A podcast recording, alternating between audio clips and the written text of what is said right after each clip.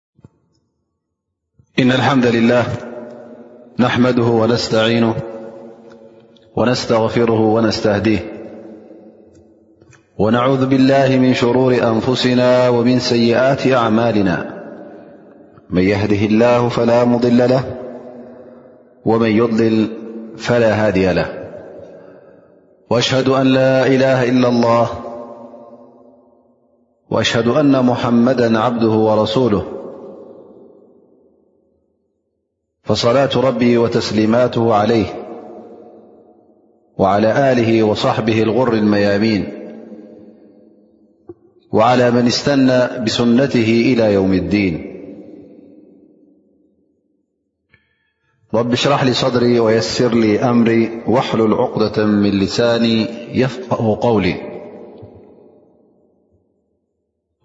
اللهم لا سهل إلا ما سهلته اللهم لا سهل إلا ما جعلته سهلا وأنت إذا شئت تجعل الحزن سهلا اللهم انفعنا بما علمتنا وعلمنا ما ينفعنا وزدنا علما والحمد لله على كل حال وبعد زخبركم أحوات خبرك أح السلام عليكم ورحمة الله وبركاته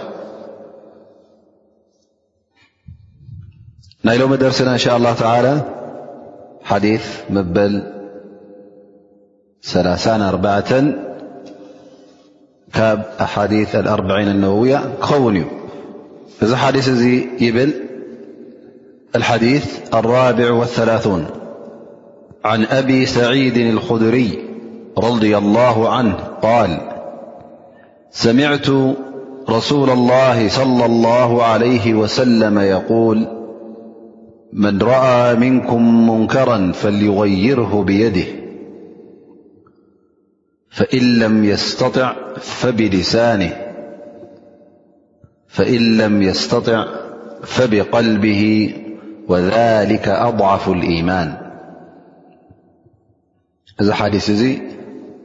ኣቡ ሰዒድ ኣልኩድሪ ሓደ ካብቶም ኣስሓብ ነቢ ለ ላ ለ ወሰለም ዘመሓላለፎ ካብ ነቢ ስ ሰለም ዝሰምዖ ቃል ማለት እዩ ይብል እነቢይ ለ ላ ለ ወሰለም ከምዚ ክብሉ ሰሚዐ እዮም ሙንከር ዝረኣየ ካባኻትኩም ሙንከር ክበሃል ከሎ ፀይቂ ፅያፍ ኣብ ሸርዒ እስልምና ሓራም ወይ ከዓ መክሩ ኩልኩል ዝኾነ ማለት እዩ ሙንከር ዝረኣየ ካባኹም ብኢዱ ይغይሮ ይለውጦ እንተ ደኣ ዘይከኣለ ኸዓ ብመልሓሱ ዓገብ ይበል ጌጋ እዩ ይበል እንተ ደኣ ዘይከኣለ ድማ ብልቡ ነዚ ፅያፍ ነገር ነዘ ሙንከር ክፀልኦ ኣለዎ ዓገብ ከም ምዃኑ ብልቡ ክኣምነሉ ኣለዎ እዚ ከዓ እቲ ዝደኸመ በዓል ኢማን እዩ ወይ ከዓ እቲ ዝሓመቐ ኢማን ዘለዎ ሰብ ዝሓመቐ ተግባር ዝገብሮ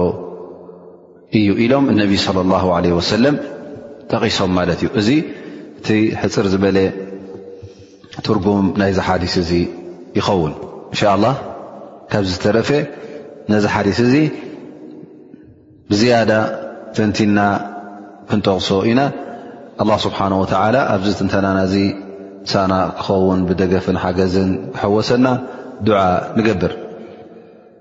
እዚ ሓዲስ እዚ ዓብ ሓዲ እዩ ምኽንያቱ እቲ ሙንከር እናረእኻ ከለኻ ሙንከር እዩ ክትብል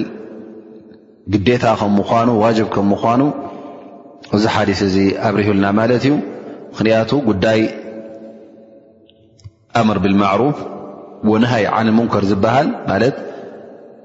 ሙንከር ርኢኻ ነዚ ሙንከር እዚ ዓገብ ዩ ክትብል ክተቕይሮ ክትልውጦ ወይ እውን ሰናይ ነገር ዘይግበር እንተ ኮይኑ እንተ ሰብ ገዲፎ ነዚ ሰናይ ተግባር እዚ ግበሩ ንኽትብል ግዴታ ከም ምዃኑ ዝብር ሓዲስ ስለ ዝኾነ እዚ ጉዳይ እዚ እውን ቀሊል ነገር ኣይኮነን ኣድላይ እዩ ምኽንያቱ እንተ ደኣ ግብረ እከይ በዚሑ እቶም ገበነኛታት እቶም ሙጅርሚን እቶም መጠፋፋእቲ እንተ በዚሖም ንሶም እንተ ዓብሊሎም ኩሉ ግዜ እቲ መቕፃዕቲ ናብ ኩሉ ስለ ዝወርድ ናፍቲ ጥዑይን ናፍቲ ዘይጥዑይን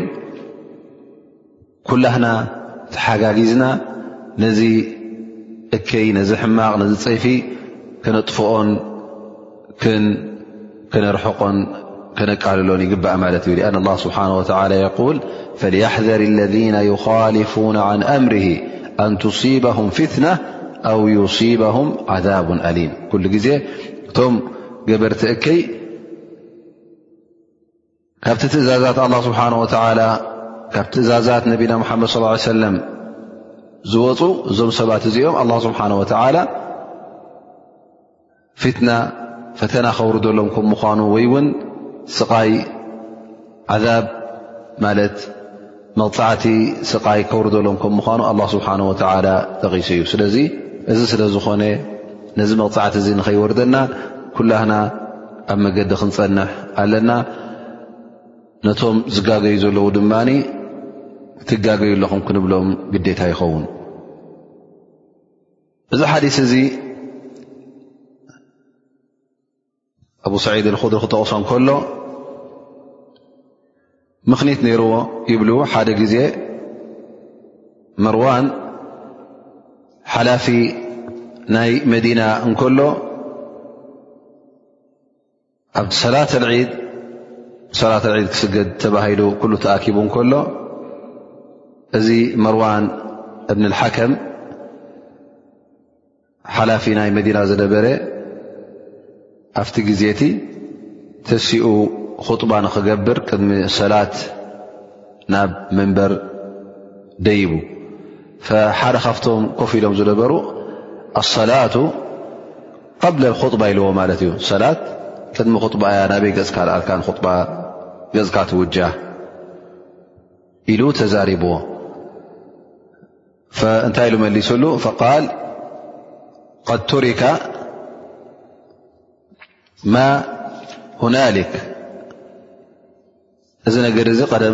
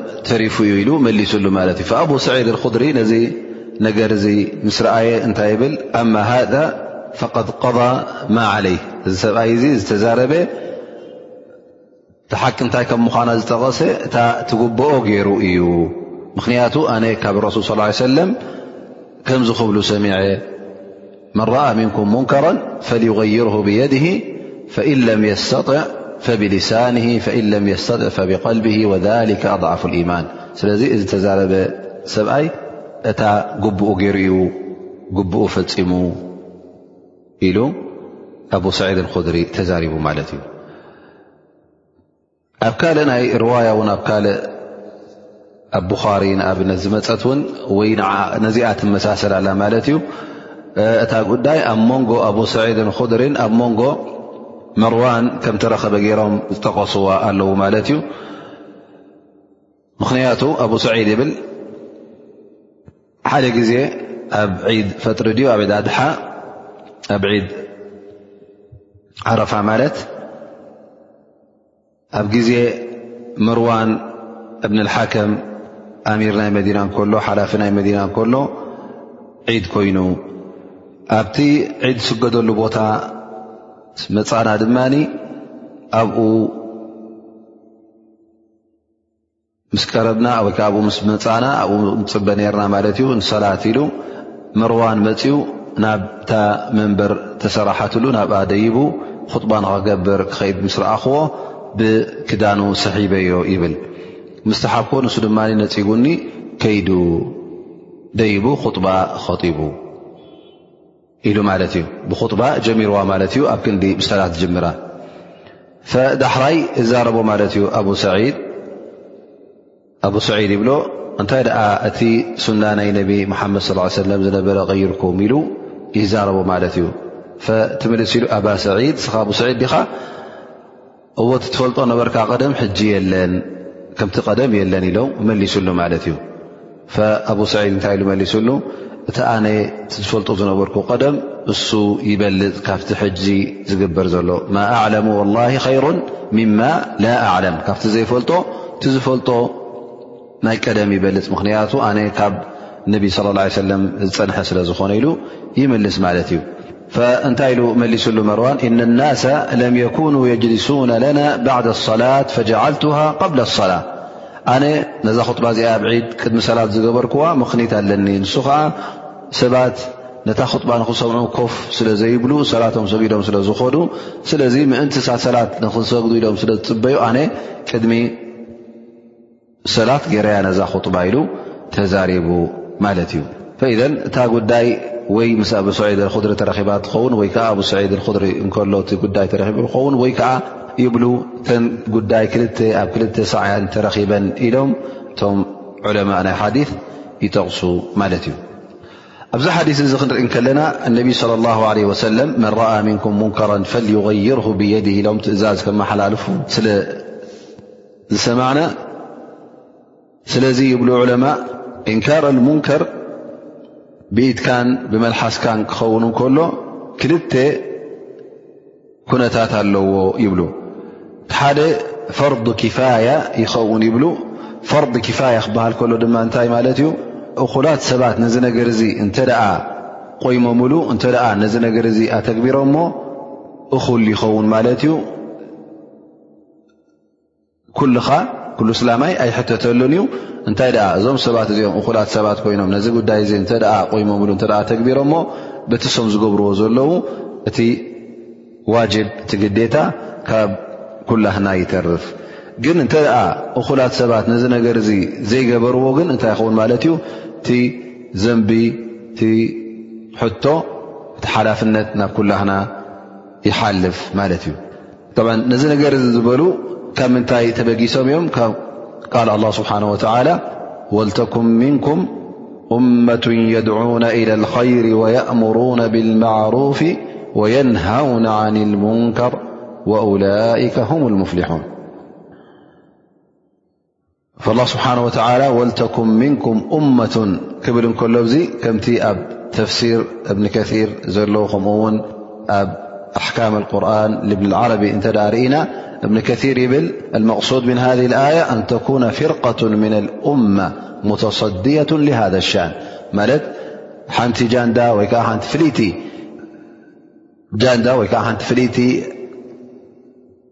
ንበሎ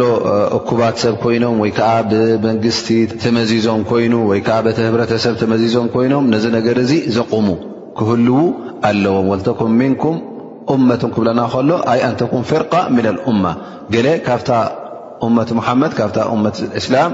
ነዚ ነገር እዚ ተገዲሳ ተቑሞ ክትህልዉ ከም ዘለዋ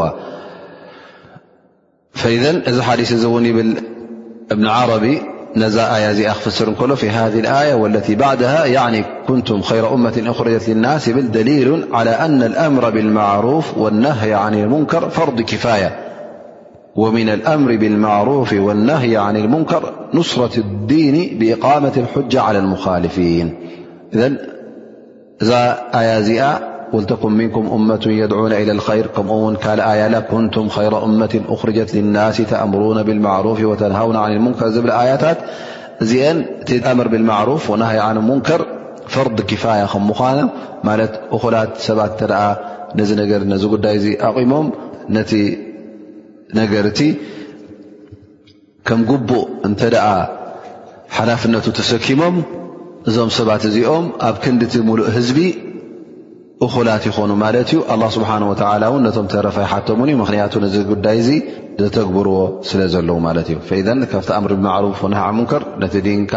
ክትድግፍ ክተዐውት ነቶም ኣንፃር ዲን ዝዛረቡን ዝቃለሱን ዘለዉ ድማ ብቃል ኮይኑ ብፅሑፍ ኮይኑ ብብዓይነቱ ጠቓሚ ዝኾነ ምንቅስቓሳት ብክትዕ ኮይኑ ብካልእ ዓይነት ነቲ እስልምና ክትካትዓሉ ክትረትዓሉ እንከለኻ እዚ ገዛ ርእሱ ኣምር ብማዕሩፍ ወናሃይ ዓንን ሙንከር ካብኡ ዩ ዝቁፀር ይብል ማለት እዩ ስለዚ ካብዚ ተበጊሶም ይብሉ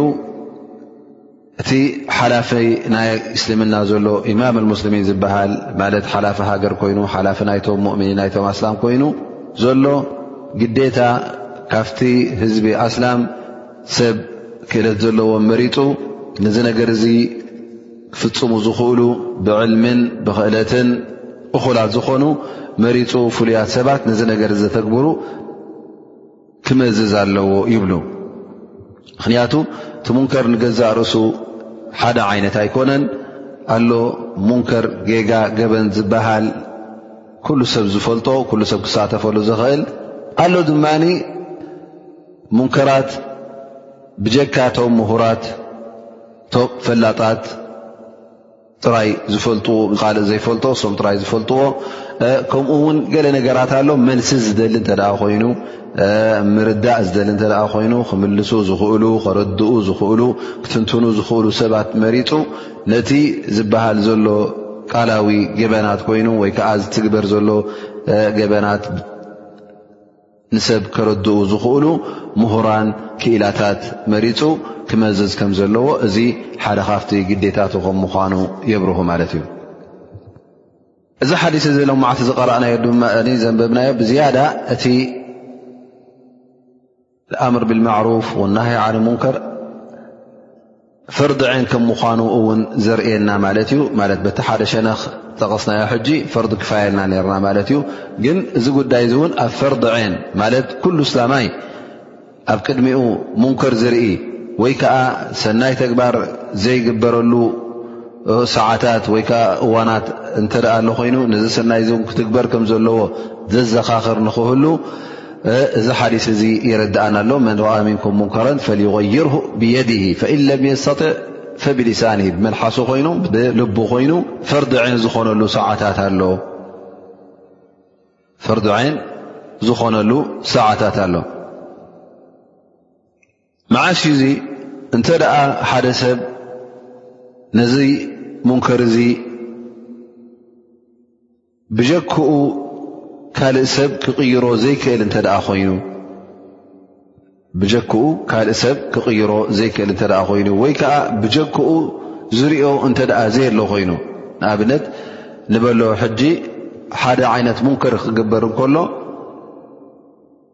እዚ ሙንከር እዚ ትሪኦ ኣለኻ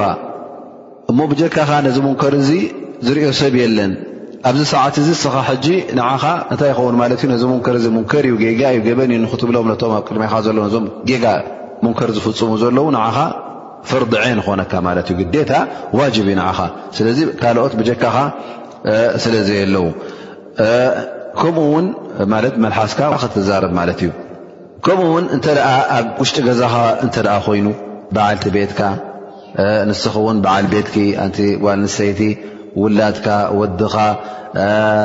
ትሕቴኻ ዝሰርሑ ወይ ከዓ ሓላፍነት ዘለካ እንተ ኮይኑ እዚ ኩሉ እስኻ ሕጂ ንዓኻ እዚ እንታይ ይኸውን ማለት እዩ ንስኻ ነቲ ሙንከር ሙንከር ይኽኢልካ ክትዛረብ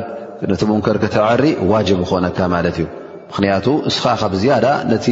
ናይ ስድራ ቤትካ ሓላፍነት ትስከም ኣብ ቅድሜኻ ዝግበር ዘሎ ብጀካካ ውን ዝርኦ የለን ንስኻን ደቅኻን ወይ ውላድካ ኮይኑ ወይ ከዓ ሰብትካ ኮይና ክትገብር ከላ እስኻ ካቲ ዝቀረበ ሰብ ዘለኻ ስለዚ ካብቲ ሙንከር ዓገብ ኢልካ ደው ከተብሎም ክትክልኩሎም ዋጅብካ ይኸውን ጠብዓን ከምቲ ዝጠቐስናዮ ቅድሚ ሕጂ እውን ደቂ ሰብ ነቲ ሙንከር ክሪኡ ከለዉ ሙንከር ክብሉ ከለዉ ሓላፍነት ናቶም ዝተፈላለየ ይኸውን ማለት እዩ ምክንያቱ እንታይ እዩ ዝፈላለዮ ናቱ ክእለት ይውስኖ ማለት እዩ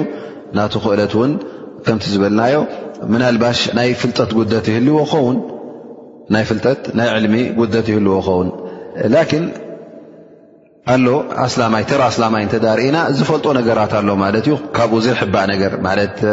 ኣሎ ሓራም ዝኾነ ኩላህና ዝኾነ ይኹን ኣስላማይ ተራ ኣስላማይ ዝፈልጦ ማለት እዩ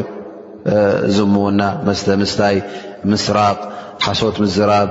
እዚ ኩሉ ሓራም ከም ምዃኑ ኩሉ ኣስላማይ ይፈልጦ ማለት እዩ ስለዚ ኣብዚ ነገር እዚ ትሳተፍ ዝኾነ ይኹን ኣስላማይ ተራ ኣስላማይ ክሳተፍ ይኽእል ማለት እዩ ሓራም ከም ምዃኑ ክገልፅ ይኽእል ማለት እዩ ብመልሓሱ ኮይኑ ብተግባሩ ኮይኑ ክዛረብ ይኽእል ማለት እዩ ንቤተሰቡ ንስድርኡ ነዚ ነገራት እዚ ከፍልጦም ይኽእል ማለት እዩ ምክንያቱ ንሱ ዝፈልጦ ኣሎ ኣብ ዕልሚ ዝሰምዖ ኣብ ክጥባ ዝሰምዖ ኩላና ኣስላም እቲ ግዴታት ዝኾነ መብዝሕቱ ፈፍርዩ ንኣብነት ዝኾነ ይኹን ኣስላማ ይፈልጦ እዩ ግን ኣሎ ገለ ነገራት ድማ ብጀካቶም ዑለማ ዘይፈልጥዎ እስኻ እተ ዘይተምሃርካ ናይ ሸርዒ ናይ ዲን ኣልእስላም ብዙሕ ዕልሚ እተ ዘይተዓለምካ ኮንካ ዘይትፈልጦ ነገራት ክህሉ ይኽእል እዩ ስለዚ እቶም ዑለማ ድማ ናቶም ግደ ኣለዎም ማለት እዩ ተፈለየ ግደ ምኽንያቱ ከምቲ እነቢ ለ ላ ለ ወሰለም ዝጠቀሶ ኣልዑለማ ወረፈቱ ኣንብያ ዑለማء ወረثة ኣንብያ እነ ኣንብያ ለም ይወርث ዲናራ ወላ ድርሃም ኣንብያ ዝገደፎ ትርፊ ዝውረስ እንተ ኣሎ ኮይኑ ገንዘብን ወርቅን ኣይኮኑ ገዲፎም እንታይ ኣ ዕልሚ እዮም ገዲፎም እዚ ዕልሚ ዚ ከመን ይወሪስዎ ደቆም ደቂ ደቆም ኣይኮኑን እንታይ ኣ እቶም ምሁራን እቶም ዕልሚ ዝቀሰሙ እሶም እዮም ወሪሶሞ ስለዚ ወረስቲ ኣንቢያ ስለ ዝኾኑ እዚ ዕልሚ እዚ ወሪሶም ተግባር ናይ ኣንቢያ ድማ ወሪሶም ማለት እዩ ኣንቢያ እንታይ ዩ ነሩ ትቐንዲ ስርሖም ትቐንዲ ስርሖም ዳዕዋ ንሰብ ናብ ኸይር ይፅውዑ ካብ እከይ ድማኒ የላቕቑ ነይሮም ስለዚ እከይ ክርኢ ክትርኢ ከለኻ ኣንታ ዓልም ኣንታ ኣላ ስብሓን ወተላ ዕልምን ፍልጠትን ዝሃበካ ሰብ ኣብ ጌጋ ክወድእ ከሎ ያ ትጋገይ ኣለኹም ኣይፋልኩምን ኢልካ ትመልሶም እንተ ደኣ ካብ ኼር ገለ እውን የጉድሉ ኣለዉ ኮይኖም ነዚ ር እዚ ነዚ ሰናይ እዚ ነዚ ረቢ ዝፈትዎ ነገራት ክቕፅሉ ከም ዘለዎም ክገብርዎ ከም ዘለዎም ክርስዕዎ ከም ዘይብሎም ተዘኻኽሮም ማለት እዩ እዞም ዑለማ እዞም ምሁራት እንተ ደኣ ነዚ ነገር እዚ ዘይተገደስሉ ግን እንተ ደኣ ኣፍኪሶም ሒዞሞ ግን እታ እማ ንገዛእ ርእሳ ጉድለት ክርከባ ማለት እዩ ጥራይ ንሶም ኣይኮኑን እንታይ ደኣ እቲ ኣሰር ናቶም ኣበይ ክረአዩ ኣብ ሙሉእ ኣብ ሓፋሽ ህዝቢ ኣስላም ክረአዩ ልካዕ ከምቲ ኣብ ዝባን ደቂ እስራኤል ዝወደቐ መርገምን ፋሕ ብትንን ክወድቕ ይኽእል ማለት እዩ ከምኡ ውን እቶም ሓለፍቲ ዝበሃሉ መራሕቲ ሃገር ኮይኖም ወይ ከዓ መራሕቲ ዓዲ ኮይኖም ማለት ናይ መንግስቲ ስልጣን ሒዞም ሰብ ስልጣን ማለት እዩ እሶም ውን ናቶም ሓላፍነት ኣለዎም ማለት እዩ ፍልይ ዝበለ ካብቶም ናይ ዑለማ ናይቶም ምሁራን ተፈለየ ማለት እዩ ምክንያቱ ንሶም እዞም ሰብ ስልጣን ክቐፅዑን ክኣስሩን ክወቕዑን ስለ ዝኽእሉ ሓይሊ ስለ ዘለዎም ንሶም እውን ኣብዚ ጉዳይ እዚ ክሳተፉ ግዴታ ይኸውን። ምኽንያቱ እቶም ሰበ ስልጣን ክገብርዎ ዝኽእሉ እቲ ዓልም ክገብሮ ኣይክእልን እዩ እቲ ተራ ኣስላማይ ክገብሩ ኣይክእልን እዩ ምኽንያቱ ኩሉ ነናቱ ሓላፍነት ኣለዎ ነናቱ ከም ዝበልናዮ ክእለት ኣለዎ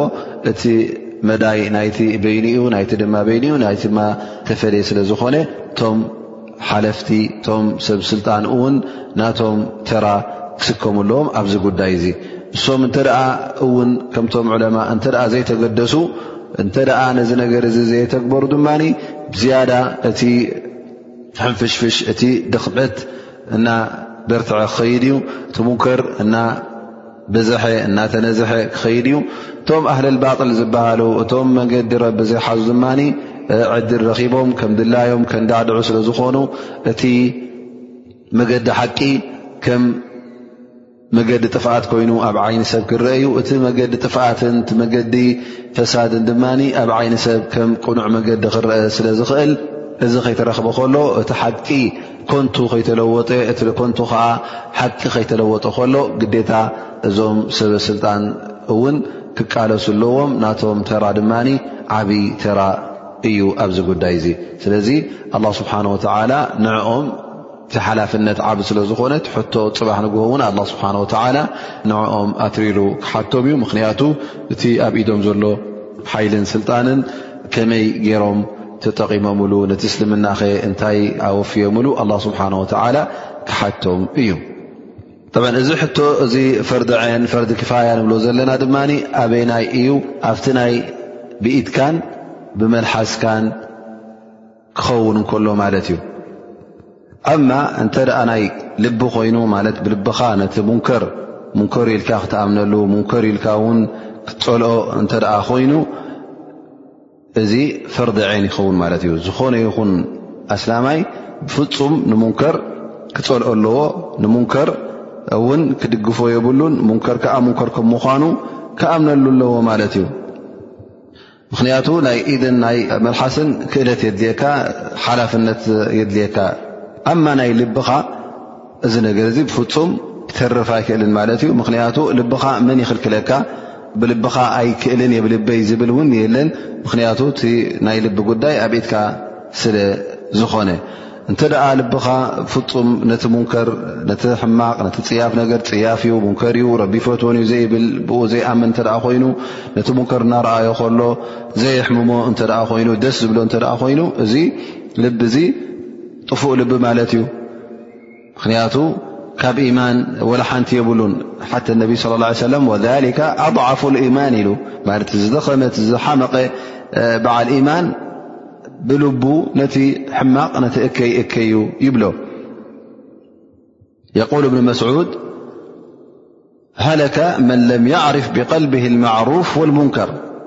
لك من لم يعرف بقلبه المعروف والمنكر معروف منكر بلب ዘይውስኖ ማለት ነቲ ማዕሩፍ ነቲ ር ብልቡ ዘይፈትዎ ነቲ ሙንከር ነቲ እከይ ብልቡ ዘይፀልኦ እንተ ደኣ ኣሉ ኮይኑ እዚ ሰብ እዚ ጥፉእ ሰብ እዩ እዚ ሰብ እዚ ጥፉእ ሰብ እዩ ግን ናይ መልሓስን ናይ ኢድን ግን እዚ ናይ ክእለት የድልዮ ኸውን ኣማ ብልብኻ ነቲ ዘንቢ ነቲ ገበን ነቲ ጌጋታት ንኽትፀልኦ መን እሕዘካ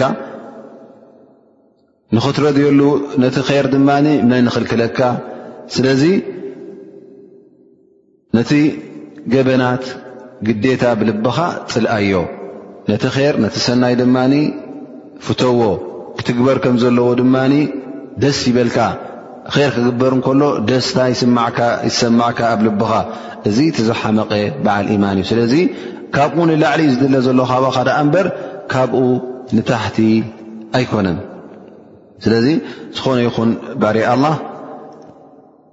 ግዴታ ሙንከር ክርኢ ከሎ ብልቡ ክፀልኦ ኣለዎ ብልቡ ደስ ክብሎ የብሉን ወላ እውን ብኢዱን ብመልሓሱን ኣይክኣል ዳኣ እምበር እታ ልቡ ግዴታ ነቲ ሙንከር ሙንከር እያ ኢላ ክትኣምን ኣለዋ ሙንከር እያ ኢላ እውን ክትፀልኦ ኣለዋ ማለት እዩ ስለምንታይ ናይ ልቢ እቲ ኣضዓፈ ማን ዝተሓተ ዝደኸመ ናይ ኢማን ምልክት ኮይኑ ምኽንያቱ ብልብኻ ንዝኾነ ይኹን ሙንከር ሙንከር ኢልካ ክትኣምነሉ ከለኻ ወይ ከዓ ሙንከር ኢልካ ውን ክትፀልኦም ከለኻ ትፍረናቱ ጥራይ ንዓኻ እዩ ማለት ናፍቲ ኣብ ቅድሜኻ ዘሎ ሙንከር ናብኡ ስለ ዘይሰግር ብኢድካን ብመልሓስካን ትሳተፎ ግን ነቲ ሙንከር ብኢድካ ወይ ከዓ ብ መልሓስካ እዚ ጌጋ እዩ ኢድካ ክትዛረብ ከለኻ እቲ ሓቂ እንታይ ከም ምዃኑ ከተብርህን ከለኻ ክእለት ወይ ከዓ ስልጣን ረኪብካ ውን ባዕልኻ ነቲ ሙንከር ብኢድካ ከተልግሶን ከተርሕቆን ትኣልዮን ከለኻ ድማ እዚ ዓብ ፋይዳኻ ጌርካ ዓብ ፍሬኻ ጌርካ ማለት እዩ መጀመርያ እንታይ እቲ ሓቂ እንታይ እቲ ጌጋ ኣብሪህካ እስኻ ኣጅሪ ረኺብካ ኣብ ርእሲኡ ድማ ነቲ ተጋጊ ዝነበረ ካብቲ ጌጋ ኣውፅእካዮ ማለት እዩ እቲ ቅድሚኡ ዝነበረ ጌጋ ወይ ከዓ እቲ ዝፍፅሞ ነበረ ጌጋ ስለ ዘርሓቅካዮ ስለ ዘልገስካዮ እነሀ እቲ ፍረናቱ ንዓኻን ነቲ ዝጋገ ዝነበረን ኮይኑ ማለት እዩ ስለዚ እቲ ሙንከር ብኢትካን ብመልሓስካን ክኸውን ከሎ ፋይዳ ናቱ ዝዓበየ ይኸውን እዚ ደረጃ ናቱ እነቢ ለ ላ ለ ሰለም ቀዳምነት ንዑ ሂቦ እቲ ዝሓመቐ ግን ናይ ልቢ ኢሎሞ እነቢ ለ ላ ለ ወሰለም ኣብዚ ጉዳይ እዚ ምናልባሽ ብዙሕ ሕቶታት ወይ ከዓ ብዙሕ ዘይቅኑዕ ርእቶ ክመፅእ ይኽእል ምናልባሽ ገለገለ ሰባት ነዚ ናይ ኣምር ብልማዕሩፍ ወናሃይ ዓን ሙንከር ክጥቀስ እንከሎ ወይ ከዓ ክዝረብ እንከሎ ከም ግቡእ ዘይርድእዎ ይርከቡ ኾኑ እሞ ከዓ ምስቲ ናይ ሽርዒ እስምና ኣብ ቁርን ዝመፀ ኣያታት ምስኡ ዝገራጮ ገለ እውን ይመስሎም ይኸውን ንኣብነት ይብሉኻ እዚ ኣምር ብልማዕሩፍ ወናሃ ዓነ ሙንከር ትብሎ ዘለኻ ምናልባሽ ምስቲ ኣላ ስብሓን ወተዓላ ዝሃቦ ንወዲ ሰብ ነፃ ንክኸውን ሕርየ ሸክስያ ዝበሃል ቃዊ ናፅነቱ ይፃረር እዩ ምክንያቱ ኣላ ስብሓን ወተዓላ ኣብ ቁርን ላኢክራሃ ፊ ዲን ኢሉና ከምኡ ውን ነቢ صለ ላ ለ ወሰለም ምን ሑስኒ እስላም መርኢ ተርክሁ ማ ላ የዕኒ ኢሉና እዩ እሞ ከመይ ጌርካ እዚስ ምስቲ ይፃርር ዶይኮነን ኢሉ ምናልባሽ ይደናገሮ ይኸውን ገለ ሰባት የደናግርዎ ይኾኑ ስለዚ ነዚ ክንርድኦ ዘለና ኣላህ ስብሓን ወተላ ላእክራሃ ፊ ዲኒ ቐድ ተበየነ ሩሽዱ ምና ልይ ክብል እንከሎ ገዲድካ ንሰብ ካብ ክሕደት ናብ እስልምና ንኸተእትዎ ብሓይሊ ኣይፍቀድን እዩ ሓደ ሰብ ኣነ ኣብ እስልምና ይኣቱ ነኢሉ ወይ ብቀደሙ እስላማይ ኣይነበረ ክስታናይ ኮይኑ ቡዚን ኮይኑ ወይከዓ ኣይሁዳዊ ኮይኑ ይነብር ነዚ ሰብ እዚ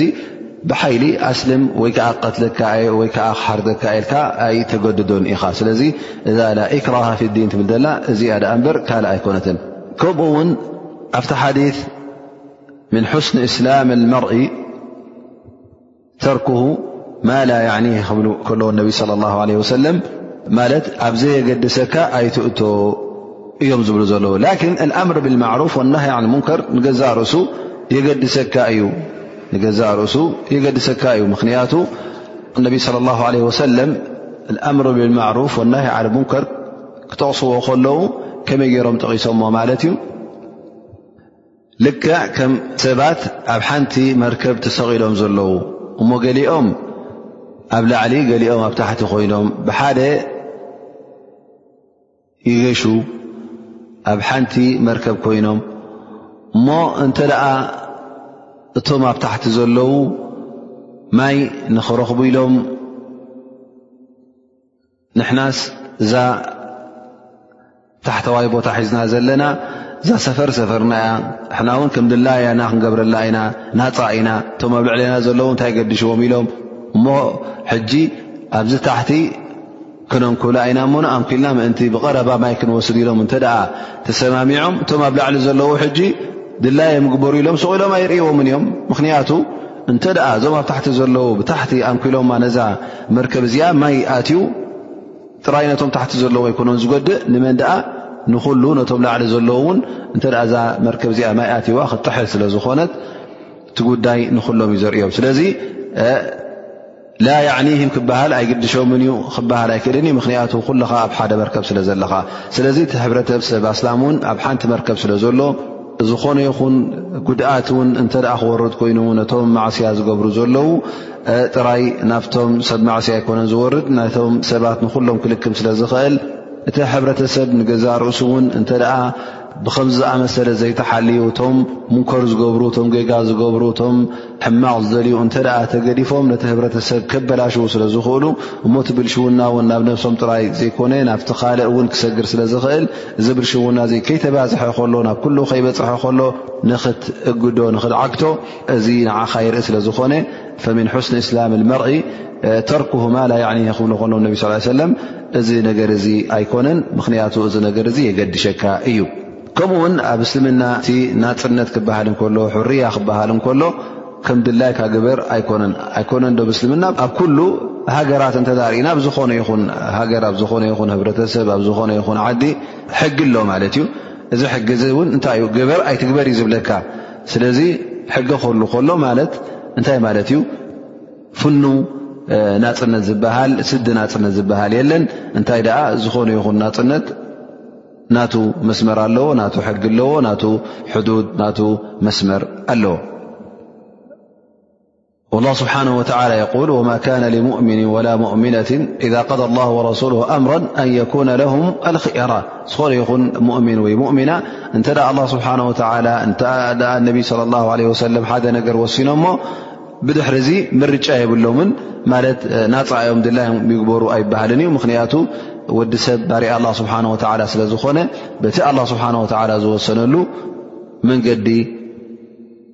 በቲ ኣላ ስብሓን ወተዓላ ዝገበረሉ ገደብ ሒዙ እዩ ክኸይድ ዘለዎ ማለት እዩ ስለዚ እዚ ተረድኦ ናይ ሕርያ ወይ ከዓ ናይ ፅናፅነት ዝበሃል ኣብ እስልምና ኣብ ሙሉእ ዓለም ውን እ ሓደ ሰብ ናፃ እተ ኣነ ውን ኣብ ናፃ ዓዲ እየ ዘለኹ ወይ ከዓ ናይ ግልይ ናፅነተ ይሕልው ዩ ክበሃል እንከሎ ኩሉ ግዜ ሕጊ ጥሒስካ ምኻድ ማለት ኣይኮነን እንታይ ደኣ ብሕጊ ክትከይድ ከለካ ኢኻ ብናፅነት ትኸይድ ማለት እዩ ስለዚ ንኻልእ ሰብ እንተ ትጎድእ ኮንካ እተ ንካልእ ሰብ ትሸግር ኮንካ ኣነ ከም ድላይ የልካ ከም ድላይካ ኣይትገብርን ኢኻ ኣሎ ድማ ገገለ ነገራት እውን ከምቲ ዝጠቐስናዮ ንገለ ሰባት ዘደናገር ወይ ከዓ ገለ ሰባት ነቲ ኣስላማይ ዘደናገርሉ እንተ ርእና እንታይ ይብልዎ ማለት እዩ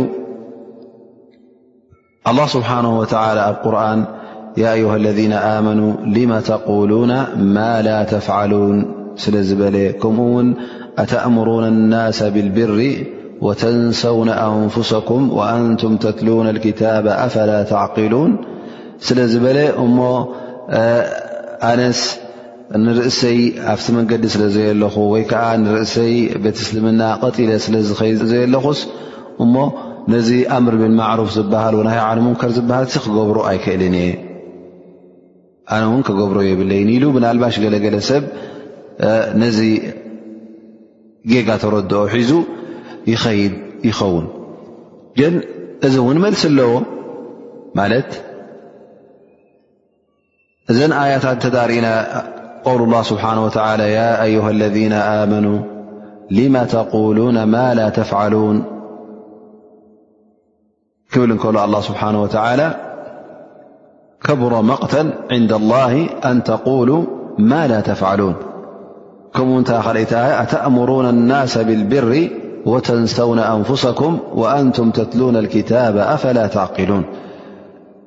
ኣላ ስብሓን ወተዓላ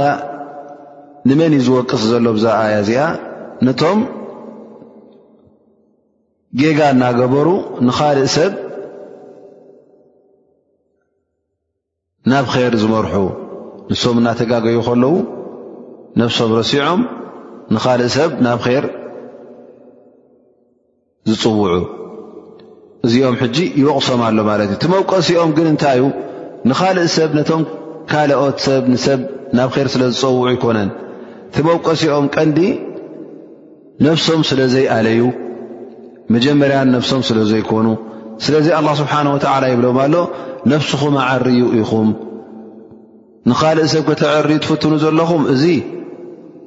ሓደ ዋጅብ ፈፂምኩምዎ ኣለኹም ግን እቲ ካብኡ ዝዓበየ ዋጅብ ድማ ኣሎ እሱ ከዓ ነብስኹም ንምዕራይ እዩ ማለት እዩ እዘን እታ ጉዳይ እንታይ እያ ዘላ ማለት እዩ ክልተ ዋጅብ ኣሎ እቲ ሓደ ዋጅብ ዘወጅበካ ነብስኻ መገዲ ሓቂ መገዲ ር ሒዝካ ንክትከይድ እዚ ሓደ ዋጅብካ ማለት እዩ እቲ ካልኣይ ዋጅብ ድማ ንካልእ ሰብ ናብ ር ንክትመርሕ ካብ እከይ ካብ ጌጋ ተቆጠቡ ንክትብል እንተ እዚ ሓደ መልሲ ማለት እዩ ካልኣይ መልሲ ድማ እንተ ሓደ ሰብ ወይ ከዓ እቲ ኣምር ብማዕሩፍ ዝህብ ወናሃይ ዓን ሙንከር ዝገብር ፍፁም ጌጋ ዘይብሉ ክኸውን ኣለዎ ክንብል እንተ ኮይና እሞ ኣብዚ ዓለም እዚኣ ኣምር ብማዕሩፍ ወናሃይ ዓን ሙንከር ዝገብር ኣይክርከብን እዩ ብጀካቶም ኣንብያ ማለት እዩ ምክንያቱ ኣላ ስብሓን ወተላ ኩሉ ወዲ ሰብ ኸጣእ ገይርዎ እዩ ማለት እዩ ዘይጋገ የለን ኣብ ጌጋ ዘይወድቕ የለን ስዒድ እብን ጁበይር ይብል መን ለም የእሙር ብልማዕሩፍ ወየንሃ ዓን ልሙንከር ኢላ መን ላ የኩኑ ፊህ ሸይ ለም የእሙር ወለም የንሃ ኣሓድ ማለት እተ ደኣ እቲ ኣምር ብልማዕሩፍ ወናሃ ዓን ሙንከር ክገብር ዘለዎ ፍፁም ዘይጋገ ሰብ ክኸውን ኣለዎ እተ ክንብል ኮይና ብፍፁም ኣምር ብልማዕሩፍ ዝገብር ኣይክርከብን እዩ ናሃ ዓን ሙንከር ዝገብር እውን ኣይክርከብን እዩ ስለዚ ወዲ ሰብ ሚእቲ ካብ ሚእቲ ምሉእ ሰብ የለን ግን ኩሉ ግዜ ክጥንቀቕ ኣለዎ እቲ ኣምር ብማዕሩፍ ናይ ዓ ሙንከር ዝገብር ኣብ መንገዲ ክፀንሓ ኣለዎ ብዝያዳ ድማ እንተ ደኣ ነዚ ጉዳይ እዚ ትግደሰሉ ኮንካ ማለት እቲ ኣምር ብልማዕሩፍ ናይ ዓ ሙንከር ንሰብ ናብ ር ትመርሕ ኮንካ ንር ትዛረብ እተ ኮንካ ካብ እከይ ርሓቑ ትብል እተ ኮንካ እዚ ንገዛእ ርእሱ እውን ንዓኻ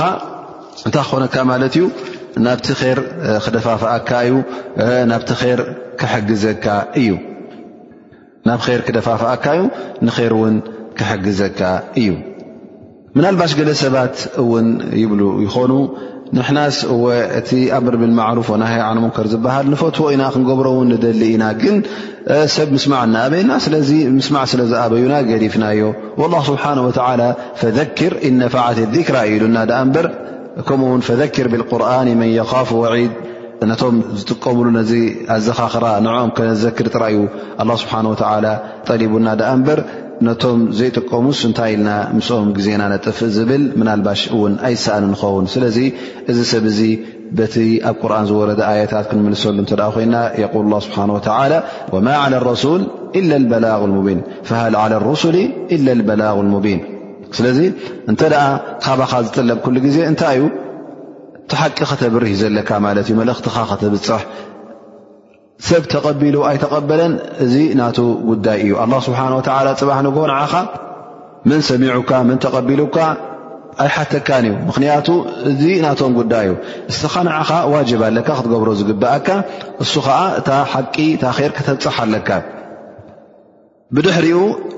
እሶም እቲ ምቕባልን ዘይምቕባልን ናቶም ጉዳይ እዩ ኣብ ቅድሚ ኣላ ስብሓን ወተላ እውን ክሕተትሉ እዮም ከምኡ ውን ኣላ ስብሓን ወተላ ፈዘክር እነፋዓት ዚክራ ክብል እንከሎ ኣላ ስብሓን ወተላ እዛ ኣያ እዚኣ ክፍስርዋ ከለዉ ባዕድ ዑለማ እንታይ ኢሎም እነፋዓት ዚክራ ኣም ለም ተንፋዕ ዚክራ ኩሉ ግዜ ዘክር ማለት ብድሕሪኣ ዘይተጠቕሰ ነገር ኣሎ ካብቲ ተጠቐሰ ንርድኦ ማለት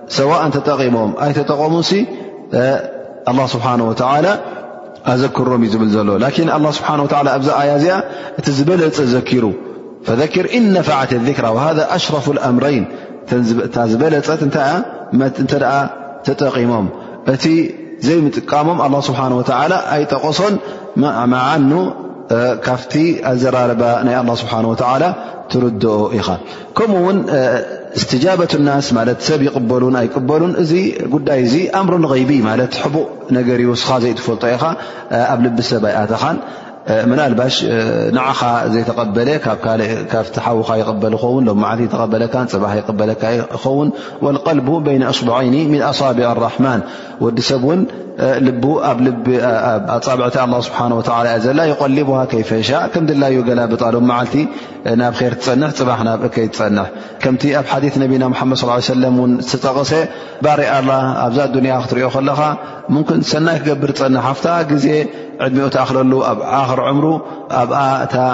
ጉዳዩ የበላሽዋ ካብ ኣህለል ጀና ዝነበረ ናብ ኣህለና ርኸውን ወይ ውን ሙሉእ ዕድሚኡ ገበን ጌጋ ክገብር ፀኒሑ ኣብ መጨረሻ ኣብ ቁርብ ምስ ተረፎ ውን ረቢ ተባብለሉ ናብ ር ይፀንሕ ንጀና ይበሃል ማለት እዩ ከምቶም ኣንብያ ኣላ ስብሓን ወተላ እቶም ልኡኻን ኣላ ስብሓን ወተዓላ ነዚ ጉዳይ እዙ ተገዲሶም ሰብ ይቀበሎም ኣይቀበሎም ኣነብይ ዮም ቅያማ ኣነብይ ያእቲ ወመዓሁ ረጅል ወረጅላን ኣብ ዮም ቅያማ እቶም ኣንብያ ንገዛእርሶም ገሊኦም ሓደ ሰብኣይ ክልተ ሰብኣይ ሒዞም ገሊኦም ድማ ንጥራይ ኢዶም ዝመፁ ኣለዉ ብመዓኑ ዘጉደልዎ ነገር ኣይነበረን ግን ኩሉ ግዜ ዳዕዋ የካይዱ ነይሮም ምኽንያቱ እቲ ካባና ዝድለ ነቶም ኣንብያ ክንስዕብ እዩ ዘለና እሶም ኣርኣያ ናና ኣብነትና ስለ ዝኾኑ ልክ ከምቲ እሶም ዝቃለስዎ ዘለዉ ክንቃለስ ኣለና ሓቂ ከነብፅሕ ኣለና ኣብ መጨረሻ እውን ካብቲ ዝበሃል ብዛዕባ ናይ ኣምር ብልማዕሩፍ ወናሃይ ዓነ ሙንከር ምናልባሽ ይብልካ ገሊኦም ንና ንተዓረ ደኣ እምበር እቶም ካልኦት ይጥፍኡ ኣይጥፍኡ ኣይጎድኣናን እዩ። እዚ ነገር እዚ እውን መርትዖ ኣለና ምናልባሽ ይብልካ ኾኑ ካብ ቁርን እውን ደሊል የምፅኡ ይኾኑ የቁል ላ ስብሓን ወተላ ብልኻ ያ አዩሃ ለذነ ኣመኑ ዓለይኩም ኣንፍሰኩም ላ የضርኩም መን ضለ ኢዘ ህተደይቱም ላ የضርኩም መን ضለ ኢዘ ህተደይቱም ማለት እዛ ኣያ እዚኣ ሕጂ እንታይ ኢሎም ፍስርዋ ማለት እዩ ኣንቱም ሙእምኒን ኣንቱም ብኣይ ዝኣመንኩም ዓለይኩም ኣንፍሰኩም ነብስኹም ጥራይ ረኣዩ ነብስኹም ጥራይ ሓልው ላ የضርኩም መን ضለ ኢዘ ህተደይቱም እቲ ዝጠፍአ ፍፁም ኣይጎድኣኩምን እዩ እንተ ደኣ ንስኹም መገዲ ኣላ ስብሓን ወተላ ሒዝኩም እንታይ ይብሉኻ ማለት እዩ እቲ ጉድለት ናቶም ኣብቲ ምእምር ብልማዕሩፍ ወናሃይ ዓን ሙንከር መውፅኢ ንክረኽብሉ እዛ ኣያ እዚኣ ንሕና ጥራይ ነብስኹም ረኣብያ ትብለና ዘላ ስለዚ ፍፁም ናይ ካልኦት ጥፍኣት ኣይጎድኣኩምን እዩ ስለዚ ሙንከር ዝገብር ሰብ ጌጋ ዝገብር ሰብ ካብ ማዕሩፍ ካብ ትሰናይ ዘጉድል ሰብ ንሕና ነብሱ ጎዲኡ ዳኣ እምበር ንሕና ይግድሸናን እዩ ግልፂ ኢልና ንሪኦን ኢና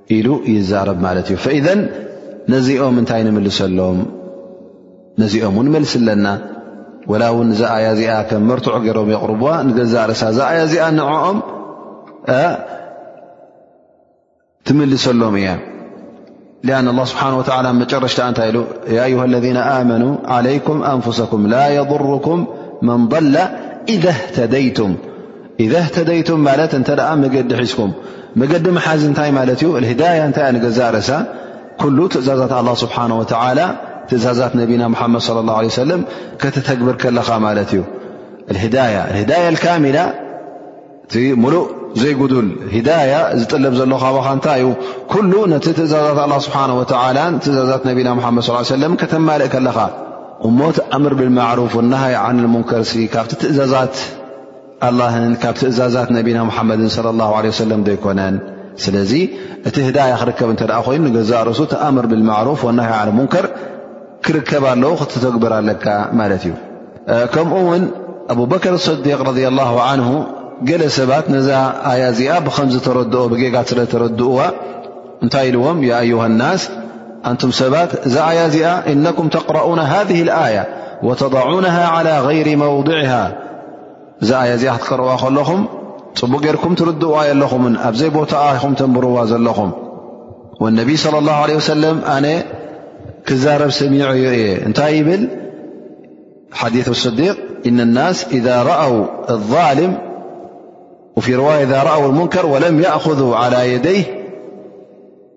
ኣውሸከ ኣን የዑመሁም ላሁ ብዕቃብ ምን ዕንዲ እዚ ካብ እነቢ ስ ሰለም ዝሰማዕክዎ እየ እንታይ ይብል ኣንቱም ሰባት እዚ ነገር እዚ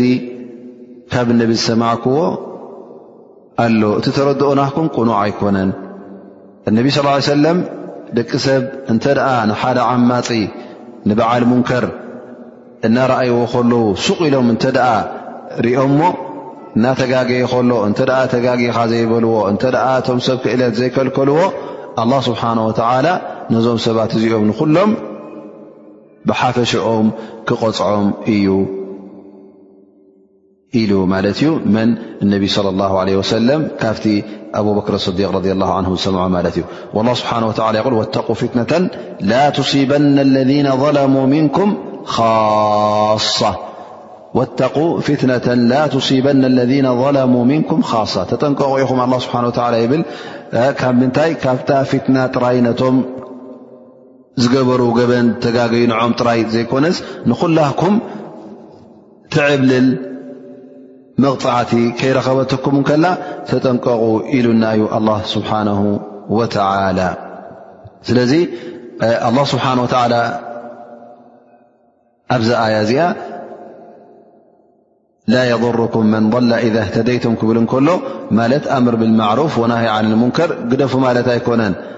እወ ኣብ ካልእ ኣያ እተ ወላ ተዚሩ ዋዚረት ዊዝራ ኣራ ዘይዘንቢ ካይትስከምን ኢኻ እቲ ዘንቢ ዝገብር ዘሎ ዘንቢ ኮንካ ትስከም ዘለኻ እስኻ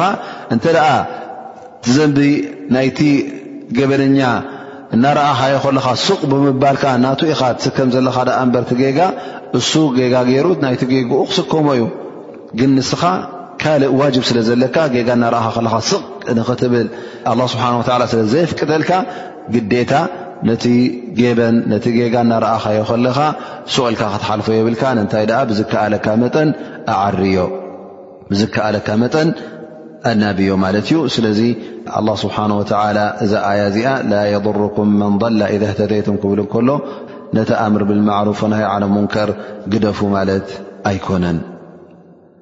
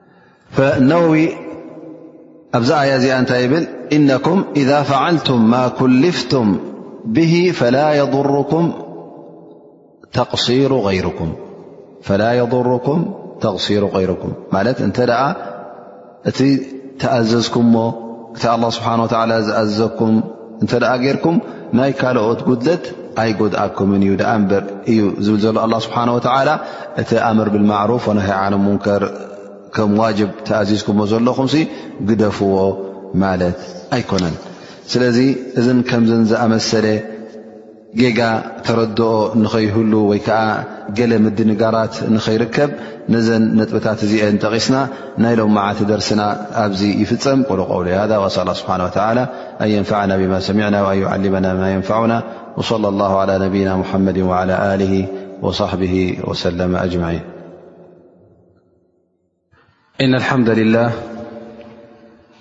نحمده ونستعينه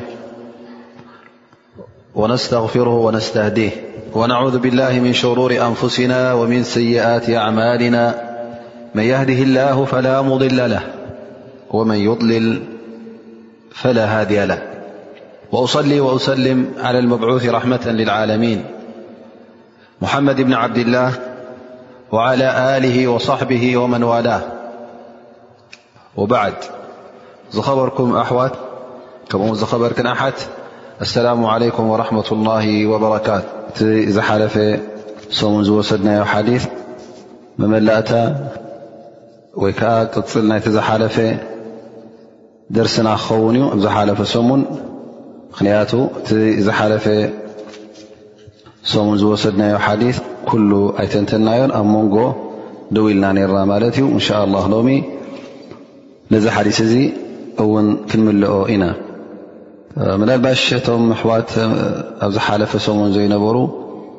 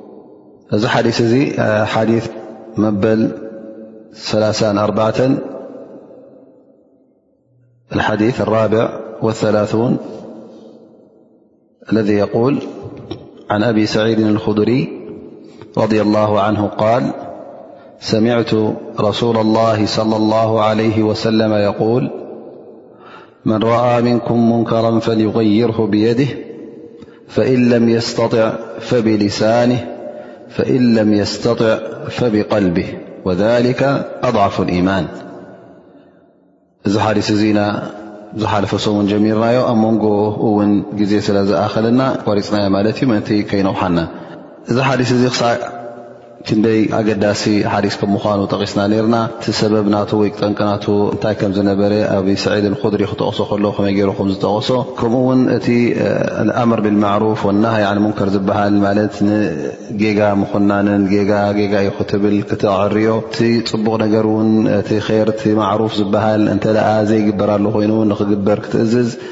እዚ ነገር እዚ እሕትሳብ ዝበሃል ወይ ኣምር ብልማዕሩፍ ወናሃይ ዓል ሙንከር ዝበሃል ፈርዲ ዓይን ክኸውን ከምዝኽእል ከምኡ ውን ፈርዲ ክፋያ ክኸውን ከምዝኽእል ማለት ዝኾነ ይኹን ግዴታ ክገብሮ ዘለዎ ክኸውን ይኽእል እዩ ከምኡ ውን እንተ ገለ ሰባት ነዚ ነገር እዚ ገይሮሞ ጨሪሶሞ እቶም ዝተረፉ ኣይግደዱን እዮም ምኽንያቱ ነቲ ጉዳይ ስለ ዝቆምሉ ኢልና ነርና ደቂ ሰብ ውን እቲ ሓላፍነት ናቶም ብዛዕባ እዚ ጉዳይ እዚ ተፈላለያ ምኳኑ ጠቒስና እቶም ምሁራት ባእታታት ወይ ከዓ ምሁር ሰብ ከምኡ ውን መራሒ ዝኾነ ወይ ከዓ ሓላፍነት ተሰከመ ስልጣን ዘለዎ እዚኦም ነናቶም ዝተፈላለየ ከከም ስልጣኖም ከከም ሓይሎም ከከም ክእለቶም ከከም ሓላፍነቶም እቲ ጉዳይ ናይ ኣምር ብልማዕሩፍ ናይ ሙንክር ክስከምዎ ከም ዘሎ ጠቒስና ነርና እቲ ፈርዲ ክፋያ ፈርዲ ዓይን ዝፈላለናሉ እውን ብናይ ኢድ ክቕይር ዘለዎን ብኣፍካ ክቕይር ዘለዎን ክኸውን ከሎ ከከም ሓላፍነትካ ግን ብልብኻ ኩለኻ ግዴታ ከም ምኳኑ ማለት ፈርዲ ዓይን እዩ ኩላህና ዝኾነ ይኹን ኣስላማይ እንተ ጌጋ ሪኡ ረቢ ዘይፈትዎ ነገር ክግበር እተ ሪኡ ብልብ ንክፀልኦ ብልብ ንክኩንኖ እዚ ኩላህና ንሕተተሉ እዩ ዋጅብ እኸውን ማለት እዩ ግዴታ ነዚ ነገር እዚ ኣይክእሎን እየ ክብል ዝኽእል የለን ምክንያቱ ልብኻ ብልብኻ ትፀልኦ መን ይኽልክለካ ካብ መንከ የፍርሃካ ኣይትፈርህ ጉድኣት ክመፃካ ውን ኣይትፈርህን ኢኻ ነዚ ነገር እዚ እውን እተ ወላ ተዛሪብካ ዘይትኽእል ኮንካ ዕልሚ ፍልጠት ዘይብልካ እተ ኮንካ ብልብኻ ውን ትፀልኦ ማለት እዩ ወላ ውን ከተብርህ ብመልሓስካ ኣይትኽኣል ወላ ውን ብኢድካ ክትልውጥ ኣይትኽኣል ኣብ ርእሲኡ መጨረሻ ተጠቂስና ዝነበርና ነጥብታት ገለገለ ጌጋ ተረድኦ ብዛዕባ እዚ ጉዳይ እ ዘሎ ወይ ከዓ መደናገሪ ኮይኑ ዝቐርብ ሕቶታት ተጠቂስና ነርና ንሱ ከዓ ምናልባሽ ገለገለ ሰባት ነዚ ናይ ኣምር ብልማዕሩፍ ናይ ዓልሙንከር ምስቲ ውልቃዊ ናፅነትና ዝፃረር ጉዳይ ኮይኑ ይስምዓና ንኸይብሉ ማለት ምስቲ እስልምና ዝሃቦ ናይ ናፃ ንወዲ ሰብ ምስኡ ዝገራጮ ኢሎም ምናልባሽ ዝርድእዎ ክህልው ይኽእሉ መልሲ እውን ሂብናሉ ነርና ከምኡ ውን ካብዚ ነገር እዚ ንኸንሳሕቡ ንኸሃድሙ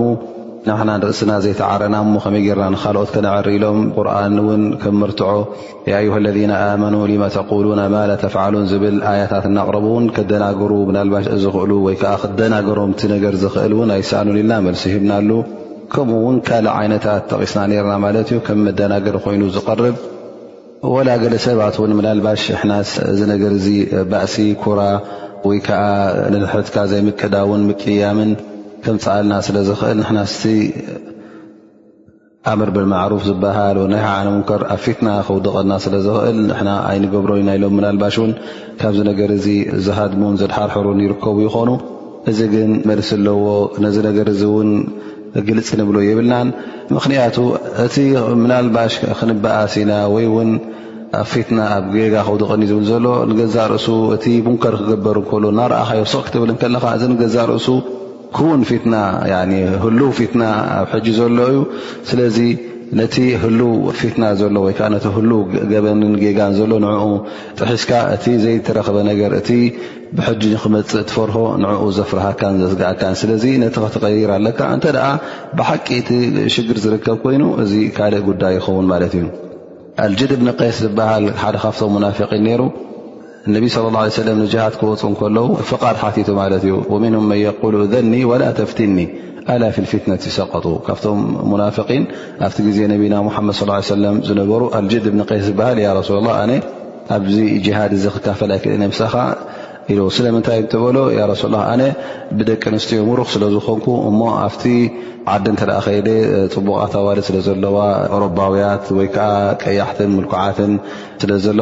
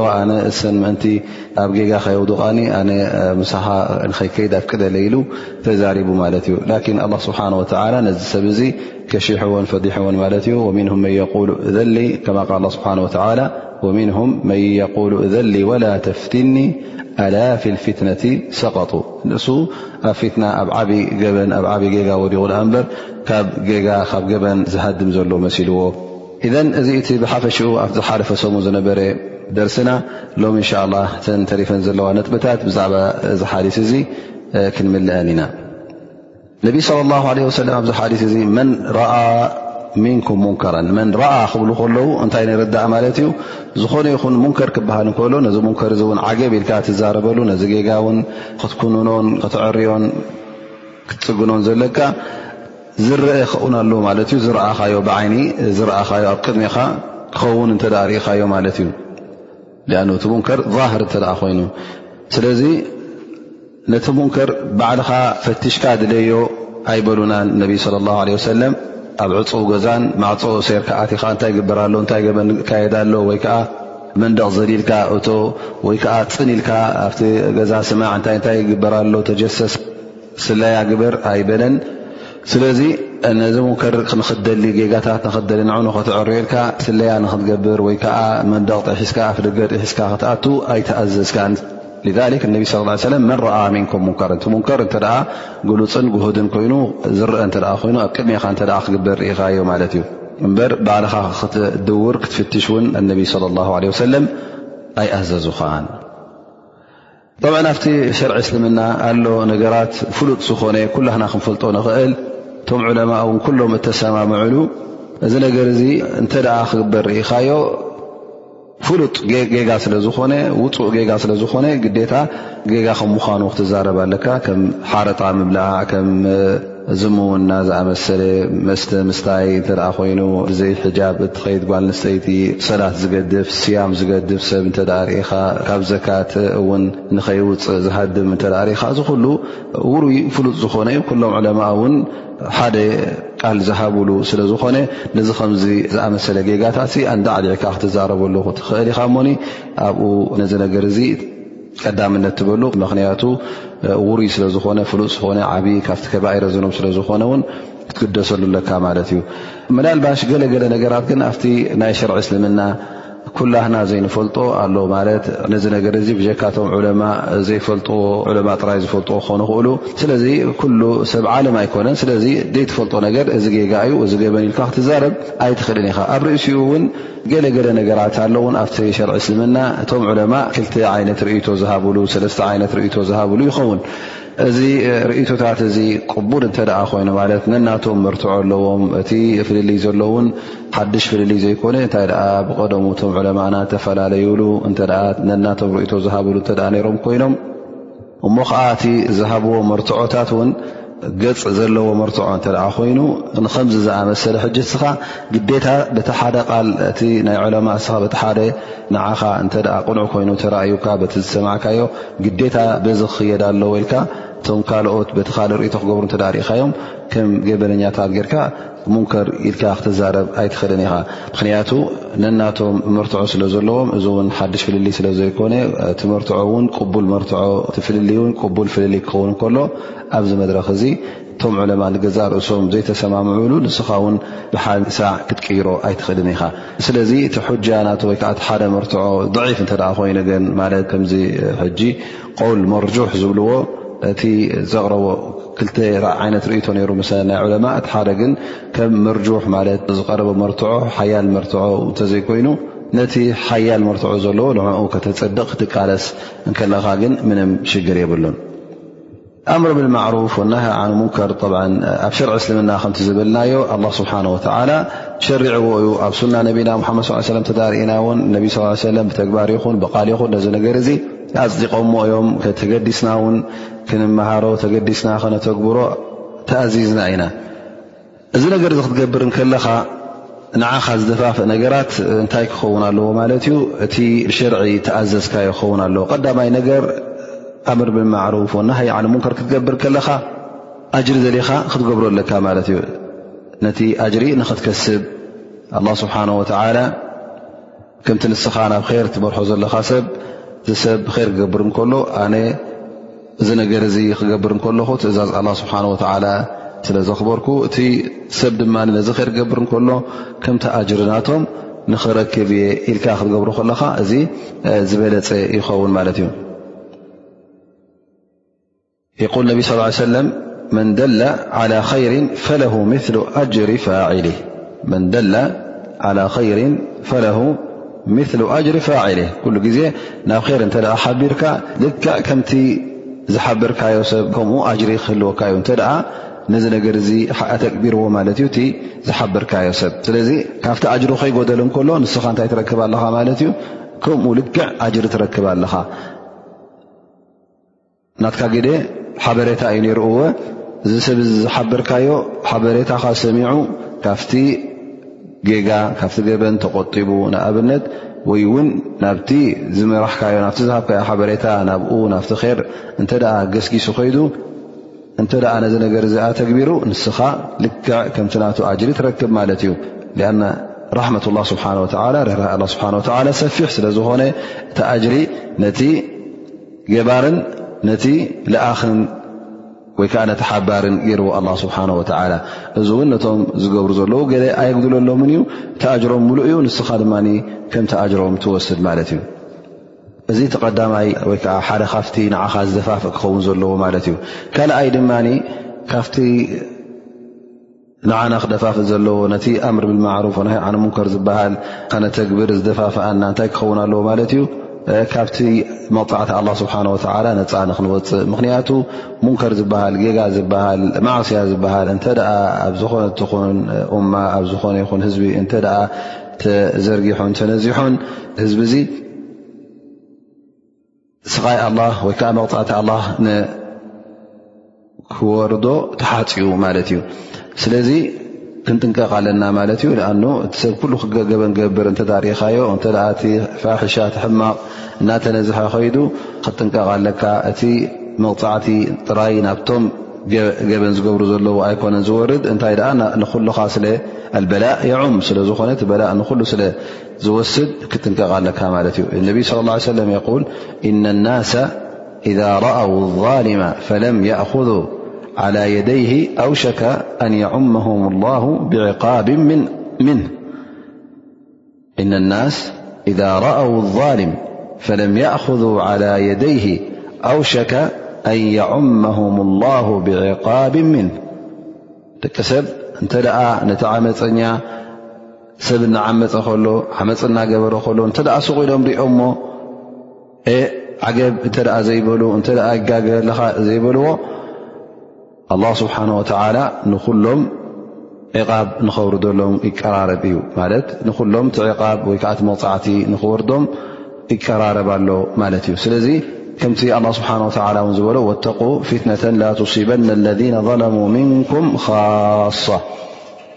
እዘን እቶም ዝዓመፁ ጥራይ ኣይኮነን መቕፃዕቲ ዝወርዶም እቶም ስቕ ኢሎም ዝርእዩ ዘለዉ እውን ክወርዶም ዩ መቕፃዕቲ ማለት እዩ ምክንያቱ እቲ ጌጋ ንትገበን እና ተገብረ ከሎ እናተኻየደ ከሎ ስቕ ኢሎም ስለ ዝረኣዩ ኣላ ስብሓን ወተላ እቲ መቕፃዕቲ ናብ ኩሉ የውርዶ ማለት እዩ ከምኡ ውን ካብቲ ንዓኻ ክደፍኣካ ዘለዎ ናይ ኣምር ብልማዕሩፍ ወናሃይ ዓንልሙንከር ድማ እንታይ ክኸውን ኣለዎ ማለት እዩ ንስኻ እቲ ገበን ክካየድ ከሎ ጌጋ ኢልካ ክትብል ከለካ ክትዛረብ ከለኻ ቐንዲ ንዓኻ መበገሲኻ እቲ ቐንዲ ንዓኻ መኮረይኻ እንታይ ክኸውን ኣለዎ ማለት እዩ ሊላህ ክኸውን ኣለዎ ማለት እዩ ሊላህ ክኸውን ኣለዎ ማለት እዩ ቁጣዓኻ ምእንቲ ኣላ ስብሓን ወተላ ምኽንያቱ እተገብረ ገበን እንታይ እዩ ገደብ ኣላ ስብሓን ወተላ ስለ ተሰግረ ሕጊ ኣላ ስብሓን ወተላ ስለ ተጣሕሰ ንስኻ እዚ ምጥሓስ እዚ ደስ ኣይበለካን ምኽንያቱ እቲ ዝግበር ዘሎ ንኣላ ስብሓን ወተላ ደስ ዘየብል ስለ ዝኾነ ንዓኻ እውን ደስ ስለ ዘይበለካ ንመን ኢኻ ተበጊስካ ማለት እዩ ንኣላ ስብሓን ወተላ ነቢ ለ ላ ለ ሰለም ከምቲ ቅድሚ ሕጂ ዝቐራናዮ ኣሓዲ ፍጹም ምእንቲ ነብሶም ወይ ከዓ ንነብሶም ንክከላኸሉ ኢሎም ብቁጥዑ ኣይነበሩን መዓስ እዮም ዝቁጥዑ ነይሮም እንተ እተኣ ገደብ ኣላ ስብሓን ወተላ ተጣሒሱ ሕጊ ኣላ ስብሓን ወላ እተ ተሰይሩ ሽዑ እዮም እንታይ ዝገብሩ ነሮም ይቁጥዑ ነሮም ብጣዕሚ ይኽርዩ ማለት እዩ ምክንያቱ እቲ ተገበረ ንጉዳይ ሃይማኖት ስለ ዝትንክፍ ማለት እዩ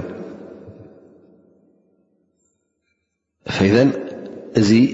እውን መበገሲ ክኸውን ኣለዎ ነቲ ኣምር ብማዕሩፍ ወናሃይ ዓን ሙንከር ክትገብር ከለኻ ምኽንያቱ እንተ ደኣ ንረኣዩለይ ስምዑለይ ኮይኑ ወይ ከዓ ነፍስኻ ንክክልኻል እተ ኮይኑ እዚ ነገር እዚ ሕጂ እንታይ ኣትወሎ ማለት እዩ ሩኡይ ኣትወ ኣሎ ማለት እዩ ወይ ከዓ ካብቲ እክላስ ናቱ ካብቲ ንፅህና ናቱ ይርሕቕ ኣሎ ማለት እዩ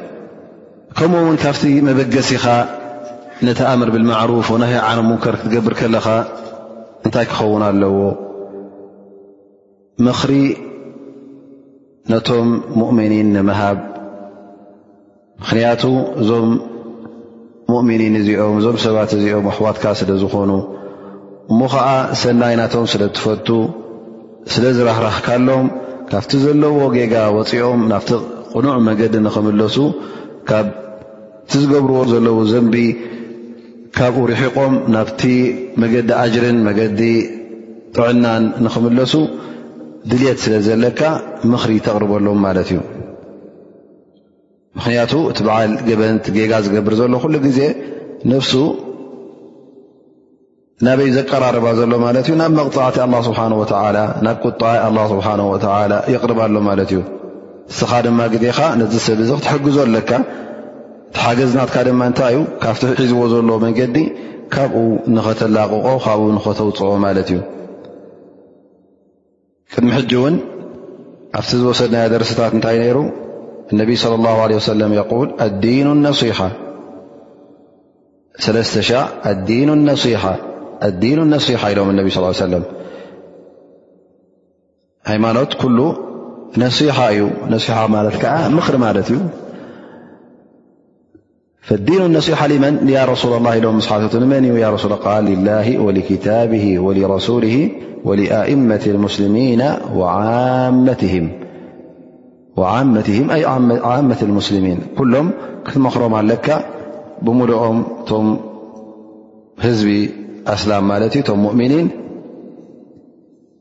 ሰናዮም ክትፈቱ ኣለካ ር ናቶም ክትፈቱ ኣለካ ሕማቕ ክወርዶም ደስ ክብለካ የብሉን ስለዚ ካብዚ ነገር እዚ ክተውፅኦም ከለኻ ሰናይ ናቶም ስለ ዝደለኻ ኢኻ ካብ መገዲ እከይ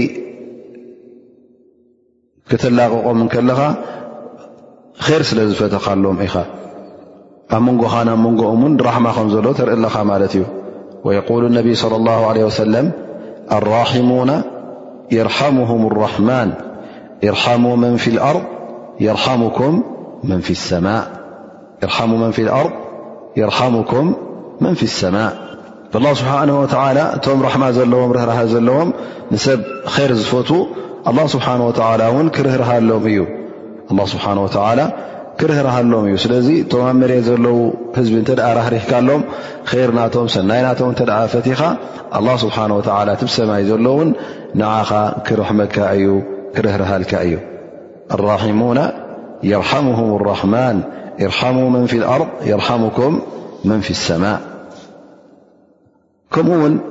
እቲ መበገሲኻን ደፋኢኻን ነዚ ኣምር ብማዕሩፍ ወናሃ ዓነ ሙንከር ክትገብር ከለኻ እንታይ ክኸውን ኣለዎ ክብሪ ኣላ ስብሓን ወተዓላ ንምቛም ልኡልነት ኣላ ስብሓን ወተላ ንምሕላው ምኽንያቱ ኣላ ስብሓን ወተዓላ ኩሉ ግዜ ክንምእዘዞ ኣለና ዝኣዘዘና ክንፍፅም ኣለና ምኽንያቱ ንሱ ልኡልን ክቡሩን ስለ ዝኾነ ትእዛዝናቱ ድማ ልኡልን ክቡሩን እዩ እሞኒ ነቲ ትእዛዝ እንተ ኣኽቢርካ እንተ ኣቂምካ ንኣላ ስብሓን ወተዓላ ተኽብር ኣለኻ ማለት እዩ ምኽንያቱ ቃሉን ትእዛዛትን እሽልካ ትቕበል ኣለኻ ማለት እዩ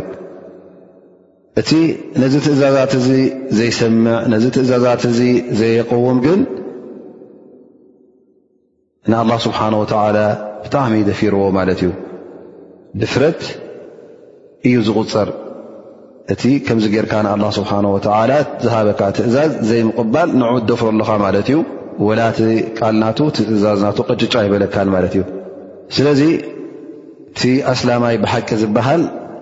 ንኣላ ስብሓን ወተዓላ ብኩሉ ክእለቱ ኩሉ ክቡርን ልኡልን ነገራቱ ንኣላ ስብሓን ወተዓላ ክፈድዮ ኣለዎ ማለት እዩ ትእዛዝ ኣላ ስብሓን ወተዓላ ንክቀውም ለይትን መዓልትን ክቃለስ ኣለዎ ነቢይ صለ ላሁ ለ ወሰለም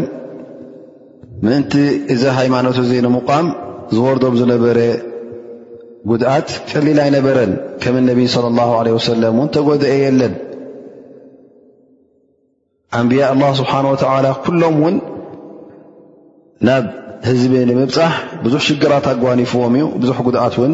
ወሪድዎም እዩ እቲ ጉድዓት እናወረዶም ከሉ ድማ متى يقبلونيرم برجوء لبي يقبلونيرم فم كابتعجست أيون يقول عبد الله بن مسعود - رضي الله عنه- قال كأني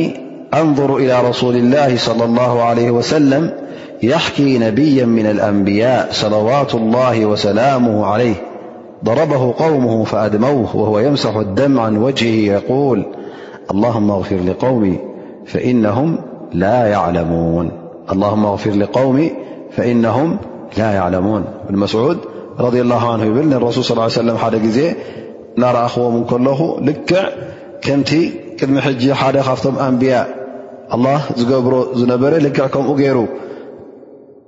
ህዝቡ ምስ ወቕዕዎ ደም ሰውፅሉ ነቲ ደሙ እና ደረዘ እንታይ ይብል ነይሩ ኣንታ ጎይታይ መሓሮም ኢኻ ምኽንያቱ እዞም ሰባት እዚኦም ዝገበርዎ ስለ ዘይፈልጡ እዮም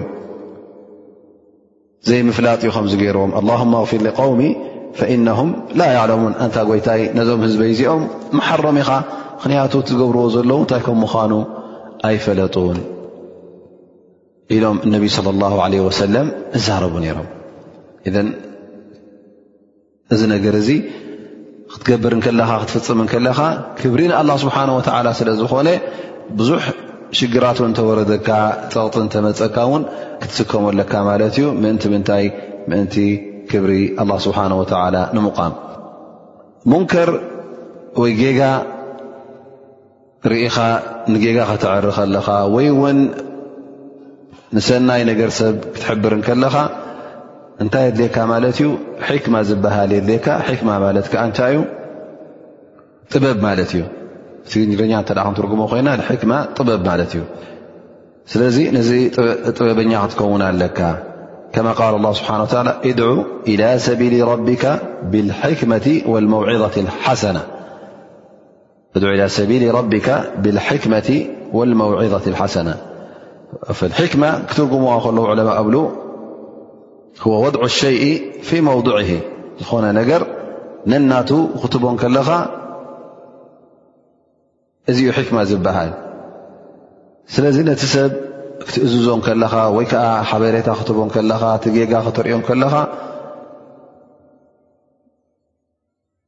ኩሉ ግዜ ቀዳማይ ነገር ናብቲ ፅቡቕ ዘረባን ህድኣትን ጌርካ ብፅቡቕ መልሓስ ክትዛረቦ ኣለካ ኣላ ስብሓን ወተላ ንነቢና ሙሳ ለ ሰላም ናብ ፍርዖን ምስ ለኣኾ እንታይ ኢልዎ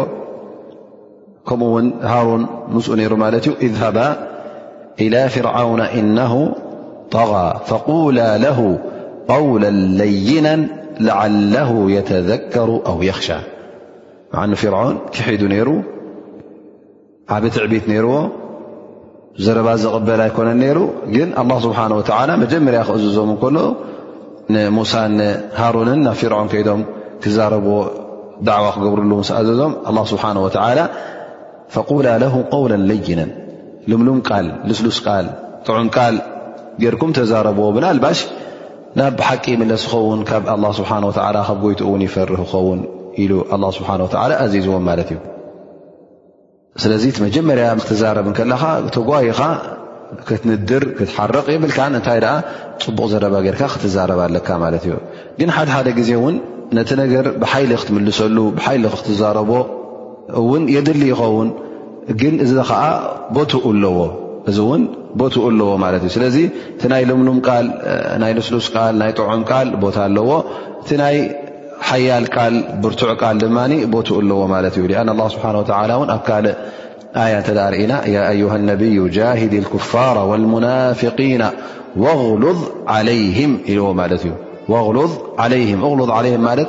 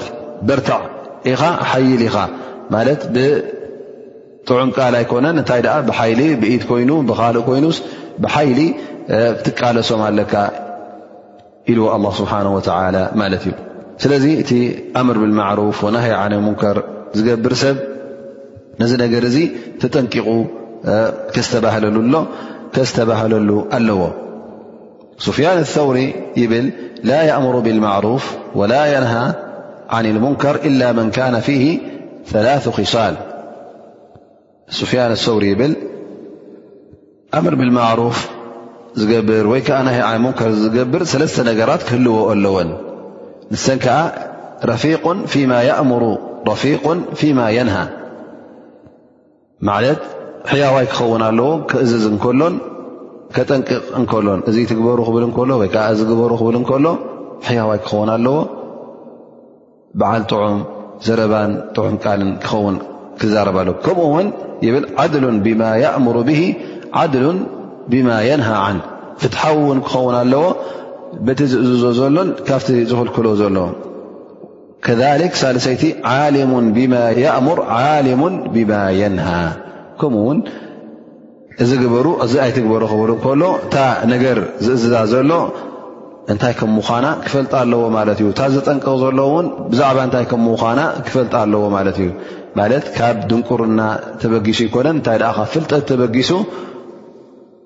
ኣምር ብልማዕሩፍ ወናሂ ዓን ሙንከር ክገብር ኣለዎ ማለት እዩ ምክንያቱ እንተ ዘይፈልጥ ኮይኑ نسب كججي ر ن قنع كملس أيكن ت فت لዎ قنع مند ون كطفم والإمام أحمد رحمه الله يبل يأمر بالرفق والخضوع فإن أسمعوه ما يكره لا يغضب فكون يريد أن ينتشر لنفسه ወዲ ሰብ ኩሉ ግዜ ኣምር ብማዕሩፍ ወና ዓ ሙንከር ክገብር ከሎ ብህድኣትን ርግኣትን ጥዑም መልሓስን ክገብሩ ኣለዎ ምናልባሽ እቶም ትዛረቦም ዘለኻ ሰባት እቶም ተጋጊኹም ትብሎም ዘለኻ እቶም ተብርሃሎም ዘለኻ ሕማቕ የስምዑካ ይኾኑ ሕማቕ መልሲ ይምልሱልካ ይኾኑ ወላ እንተመለሱልካ ክትኩሪ የብልካ ምኽንያቱ እንተ ኮሪኻ ምናልባሽ ካብቲ ዝነበርካዮ እክላስ ወፂእካ ኣብ ክንዲ ምእንቲ ኣላ ስብሓን ወላ ተቆጢዕካ ዝነበርካ ምእንቲ ነብስኻ ተቆጢዕካ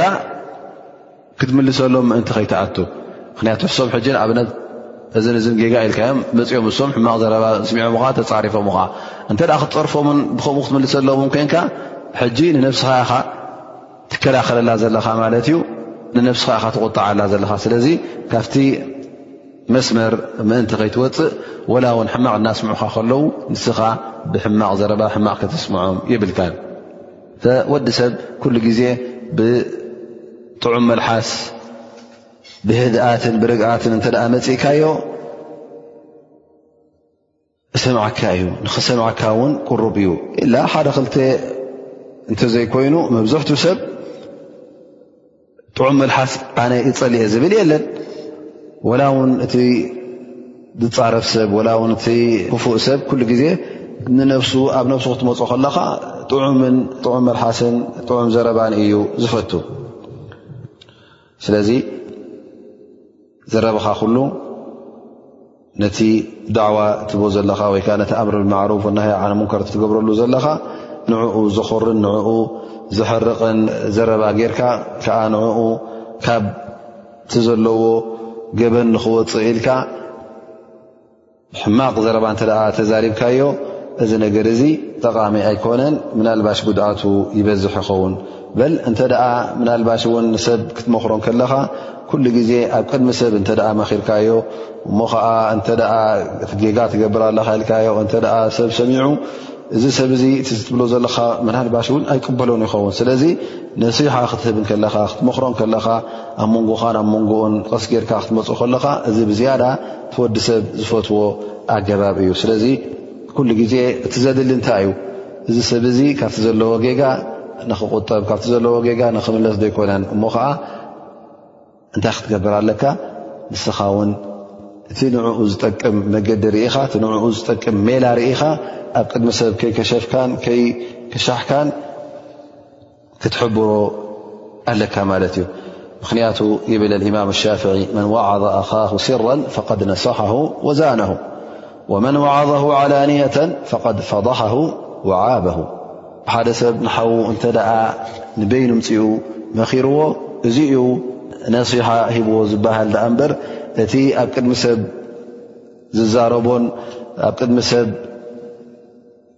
ከምዚ ከምዚ ዶ ይገበርካን ኢሉ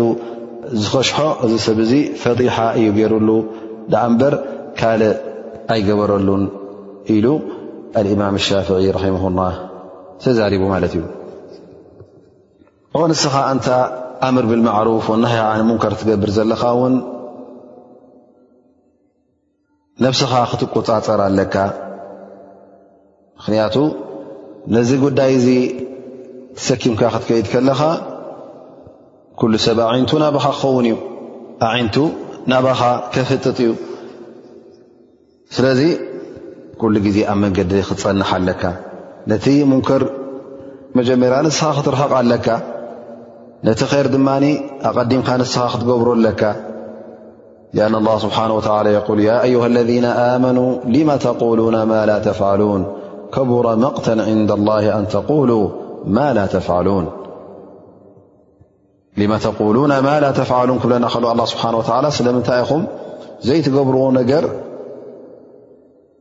ብዛዕባኡ ትዛረቡ እዚ ከዓ ንኣላ ስብሓን ወተላ ብጣዕሚ የቆጥዎ እዩ ከቡረ መቅተን ዕንዳ ላህ ከምዚ ዓይነት ተደኣ ኮንካ ማለት ዘረባኻን ግብርኻን በበይኑ እተ ኮይኑ ኣላ ስብሓን ወተላ ብጣዕሚ ኣይፈትዎን እዩ ይፀልኦ እዩ ስለዚ እቲ ኣምር ብልማዕሩፍ ወናሓን ሙንከር ዝገብር ሰብ ንገዛእ ርእሱ ባዕሉ ኣርኣያ ክኸውን ኣለዎ ነቶም ዝሕብሮም ዘሎ ነቶም ተጋጊኹም ኢሉ ምኽሪ ዝህቦም ዘሎ ኣብነት ናቶም ክኸውን ኣለዎ ኣብነት ክኸውን ኣለዎ ምእንቲ እታ ጉዳይ ኣምር ብልማዕሩፍ ወነሃ ኣንሙንከር ክገብር እንከሎ ቃሉ ንገዛእ ርእሱ ይቕበሎ ማለት እዩ እንተ ደኣ ንስኻ ካልእ ትገብር ዘረበኻ ካልእ ተግባርካ ድማ ካልእ እንተ ደኣ ኮይኑ ግን ንገዛእ ርእሱ እቶም ሰባት እቶም ምኽሪ ትብሎም ዘለኻ ዘረበኻ ኣይክቕበልዎን እዮም ንመጀመርያ ነብሱ ዘይዕር ኢሎም ክምልሱልካ እዮም ካልኣይ ነገር ኣብ ርእሲኡ እውን ምናልባሽ ነዞም ሰባት እዚኦም በቲ ትዛረቦ ዘለኻ ወይ ከዓ በቲ ሒዝካዮ ዘለኻ መርገፅ እውን ክላገፁ ይጅምሩ እሞ ከዓ እንታይ ይኸውን ማለት እዩ ነዞም ሰባት እዚኦም ኣብ ክንዲ ካብቲ ዝነበርዎ ጌጋ ተድሕኖም ከም እንደገና ኣብቲ ዲን ክዛረቡ ነቲ ዲን ክላገፅሉ ብሰንኪኻ ስለ ድደፋፋእካዮም እንታይ ይኸውን ማለት እዩ እቲ ዝገብርዎ ዝነበሩ ገበን ከይኣክል ኣብ ርእሲኡ ካልኣይ ገበን ወሲኾም ማለት እዩ እዚ ክበሃል እንከሎ ግን ኣነ እንተ ኣምር ብማዕሩፍ ናይ ሃ ሞከ ክገብር ከለኹ ሙሉእ ዘይጉዱል ክኸውን ኣለኒ ማለት ኣይኮነን ምክንያቱ ዘይጋገ የለን ግን እቲ ጌጋኻ ምጡን ጌጋ ክኸውን ከሎ ማለት ኩሉ ግዜ ተተጋግኻ ስትቕፋር ትገብር ቶባ ትገብር እተ ኮንካ ነዚ ጉዳይ እዚ ክትገብሮ ወይከዓ ነቲ ኣምር ብማዕሩፍ ናይ ሙንከር ክትገብሮ እዙዝ ኢኻ ስለዚ እቲ ቅድሚ ሕጂ ዝጠቐስናዮ ማለት እዩ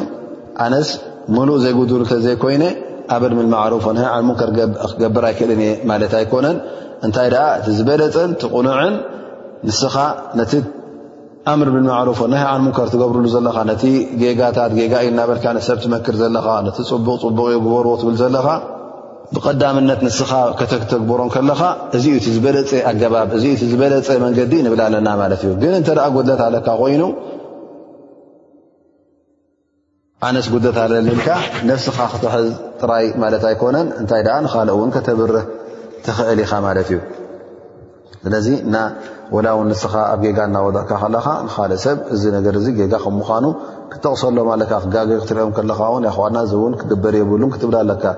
ኣነ ብኣይ ጀሚረ ብኣኹም ንኩላክና እዚ ነገር እዚ ቅድሚ ኣላ ስብሓን ወተዓላ የወንጅለና እዩ ገበን ኢልካ ክትዛረብ ኣለካ ማለት እዩ ስለዚ እቲ ጌጋ ኩሉ ግዜ ጌጋ እዩ ንስኻ ጌርካዮ ካልኦት ገይሮ እሞ ኩሉ ግዜ ጌጋ ካብ ምዃኑ ስለ ዘይተርፎ ነቲ ጌጋ ኩሉ ግዜ ኩላህና ክንፀልኦ ኣለና ኩላህና እውን ንኽጠፍእ ክንቃለስ ኣለና ማለት እዩ ሓደ ኢድ ኮይና ድማ ክንሰርሕ ኣለና እንተ ከምዚ እንተዘይኮይኑ ከ እንተ ደኣ ነዚ ኣምር ብልማዕሩፍ ወናሃይ ዓነ ሙንከር ዝበሃል ሰዋእን ንሕና እቶም ሓፋሽ ህዝቢ ከምኡ ውን እቶም ምሁራን ዝበሃሉ እቶም ዕልሚ ዘለዎም እቶም መሻይኽ ዝበሃሉ ከምኡ ውን እቶም ሓላፍነት ተዋህቡ መራሕቲ መንግስቲ ይኹኑ መራሕቲ ቀቢላ ይኹኑ ማለት ዝኾነ ይኹን ስልጣንን ሓላፍነት ዘለዎም እንተ ደኣ ነዚ ነገር እዚ ዘይተገደሱሉ እቲ ጉዳይ እንታይ ክኸውን ማለት እዩ ኩሉ ግዜ እቲ ብልሽውናን ትሕማቕ ነገርን ክንዛሕ ማለት እዩ ክበዝሕ ማለት እዩ ኣብቲ ህብረተሰብ ብዝያዳ ክዕብልል እዩ እቶም ሰብ ር እናወሓዱ እናደኸሙ ክኸዱ እዮም እቶም ሰብ እከይ እቶም ገበርቲ እከይ ድማ ሓይሊ እናገበሩ እናበዝሑ እናደንፍዑ ክኸዱ ስለ ዝኾኑ ፅባሕ ንግሆ እቲ ኮንቱ እቲ ባጥል ከም ቅኑዕ ከም ሓቂ ኮይኑ ክረአዩ እቲ ሓቂ ድማ ከም ኮንቱ ኮይኑ ክረአዩ እተ ኣብ ሓደ ህብረተሰብ እቲ ጌጋ እቲ ሙንከር እንተ ተባዚሑ ር ክትገብር ከለኻ እቲ ሰብ ንገዛእ ርእሱ ክግረም እዩ ታይ ዝገብር ዘሎ ኢሉ እንታይ ዝገብር ዘሎ ኢሉ ክግረም ማለት እዩ ስለዚ ምእንቲ ዚ ከይርከብ እቲ ሕማቕ እቲ እከይ ምእንቲ ከይዕብልል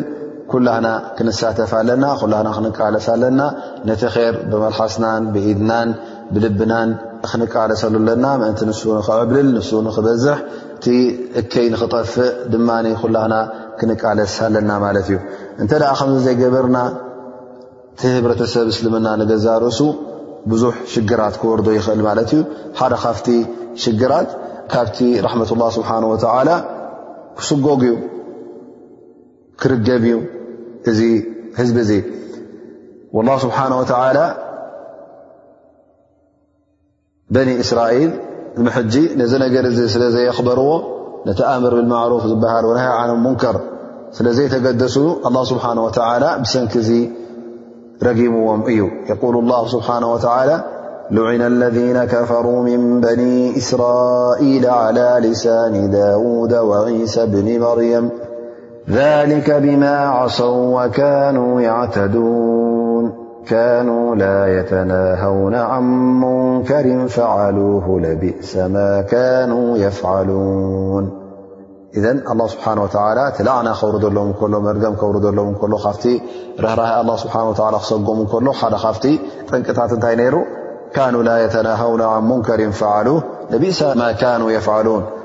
ፍፁም ነቲ ሙንከር ክገብርዎ ከለዉ ንንሕዶም እዚ ጌጋ እዩ እዚ ገበን ኢሎም ይዛረቡ ይነበሩን ስለዚ ኣላ ስብሓን ወተላ ቐፂዕዎም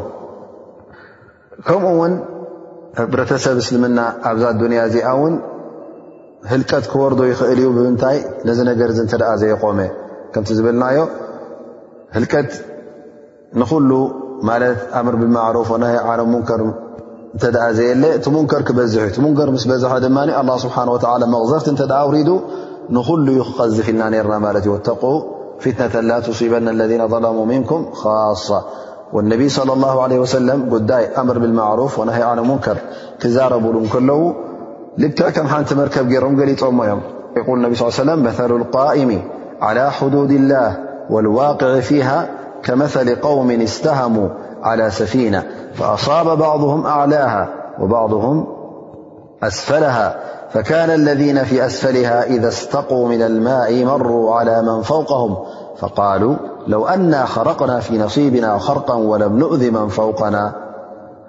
فإن يتركوهم وما أرادوا هلكوا جميعا وإن أخذوا على أيديهم نجوا ونجوا جميعا النبي صلى الله عليه وسلم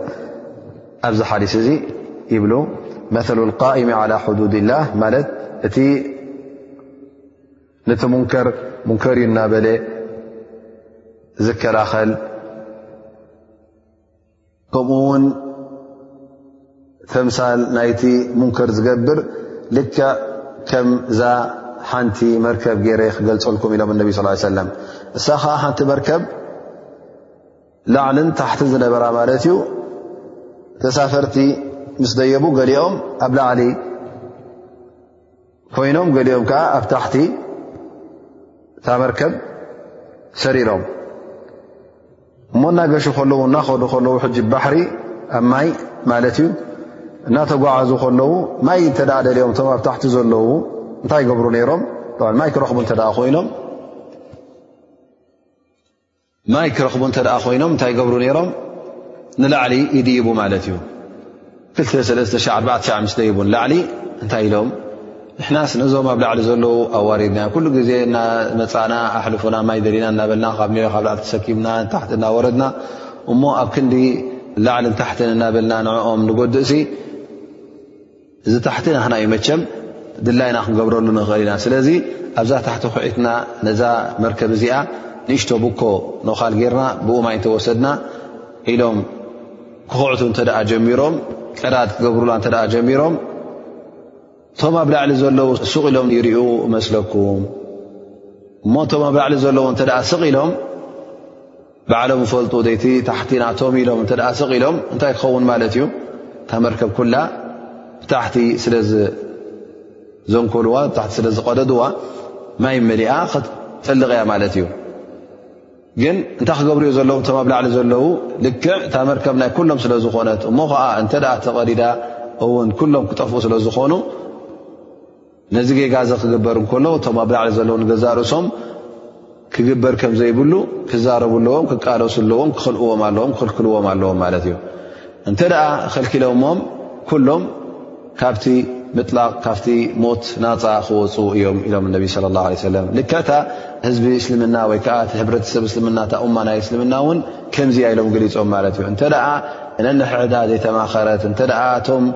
ጌጋ ዝገብሩ ዘለዉ ያዕ ዝብሎም እተ ዘይተረኽበ ትጋገዩ ኣለኹም ነውሪ ዝብሎም እተ ዘይተረኽበ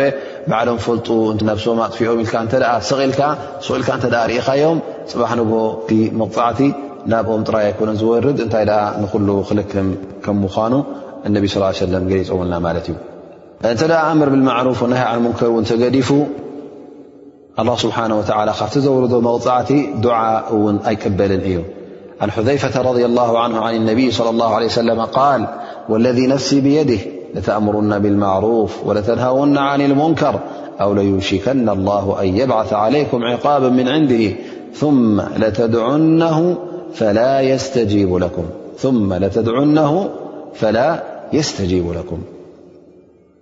ነቢ ص ه ع ሰለ ይብሉ ኣብዚ ሓዲ እዚ ወለذ ነፍሲ ብየዲ ይምሕሉ ኣለዉ ማለት እዮም በቲ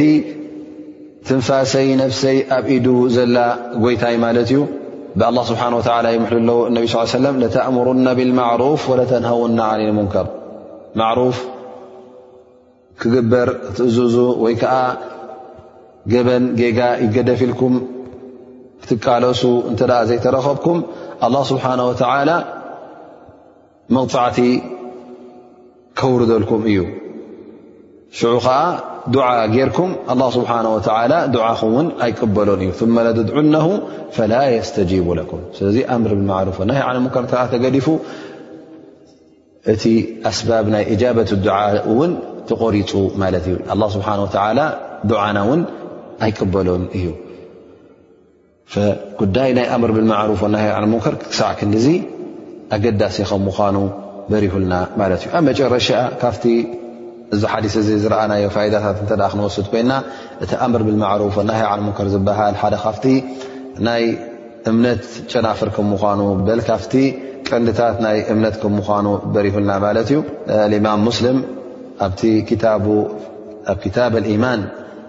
ኣብኡ በያን ከውኑ ናሃይ ዓን ሙንከር ምን ልኢማን ኢሉ ምፅዎ ማለት እቲ ኣምር ብማዕሩፍ ናይ ዓን ሙንከር ካብ ኢማን ከም ምዃኑ ኢሉ ጠቒስዎ ማለት እዩ ካብቲ ተረዳእናዮ ኣብዚ ደርስታትና እውን እንተ ደኣ ሓደ ሰብ ኣብ ነብሱ ጉድኣት ከም መቕተልቲ ከም ማህረምቲ ወይ ከዓ መግረፍቲ ወይ ከዓ ገንዘቡ እተ ፈሪሁ ምናልባሽ ካብቲ ናይ ኣምር ብልማዕሩፍ ወናሃ ዓሙከር ብኢድካን ብመልሓስካን ካብኡ ክመሓር ይኽእል ዑድር ኣለዎ ማለት እዩ ምኽኒት ኣለዎ ምኽንያቱ ኣብ ነፍሱን ኣብ ውላዱን ወይ ኣብ ገንዘቡን እተ እቲ ጉዳይ ክበፅሕ እተ ኮይኑ እዚ ሰብ እዚ ምኽኒት ኣለዎ ዑድር ኣለዎ ላኪን ብልቡ ነዚ ነገር እዚ ክፀልእ ግን ዑድር የብሉን ምኽኒት የብሉን ብልቡ ናሃይ ዓን ሙንከር ኣምር ብልማዕሩፍ ክገብር ኣለዎ ማለት እዩ እዚ እዩ ብሓፈሽኡ እቲ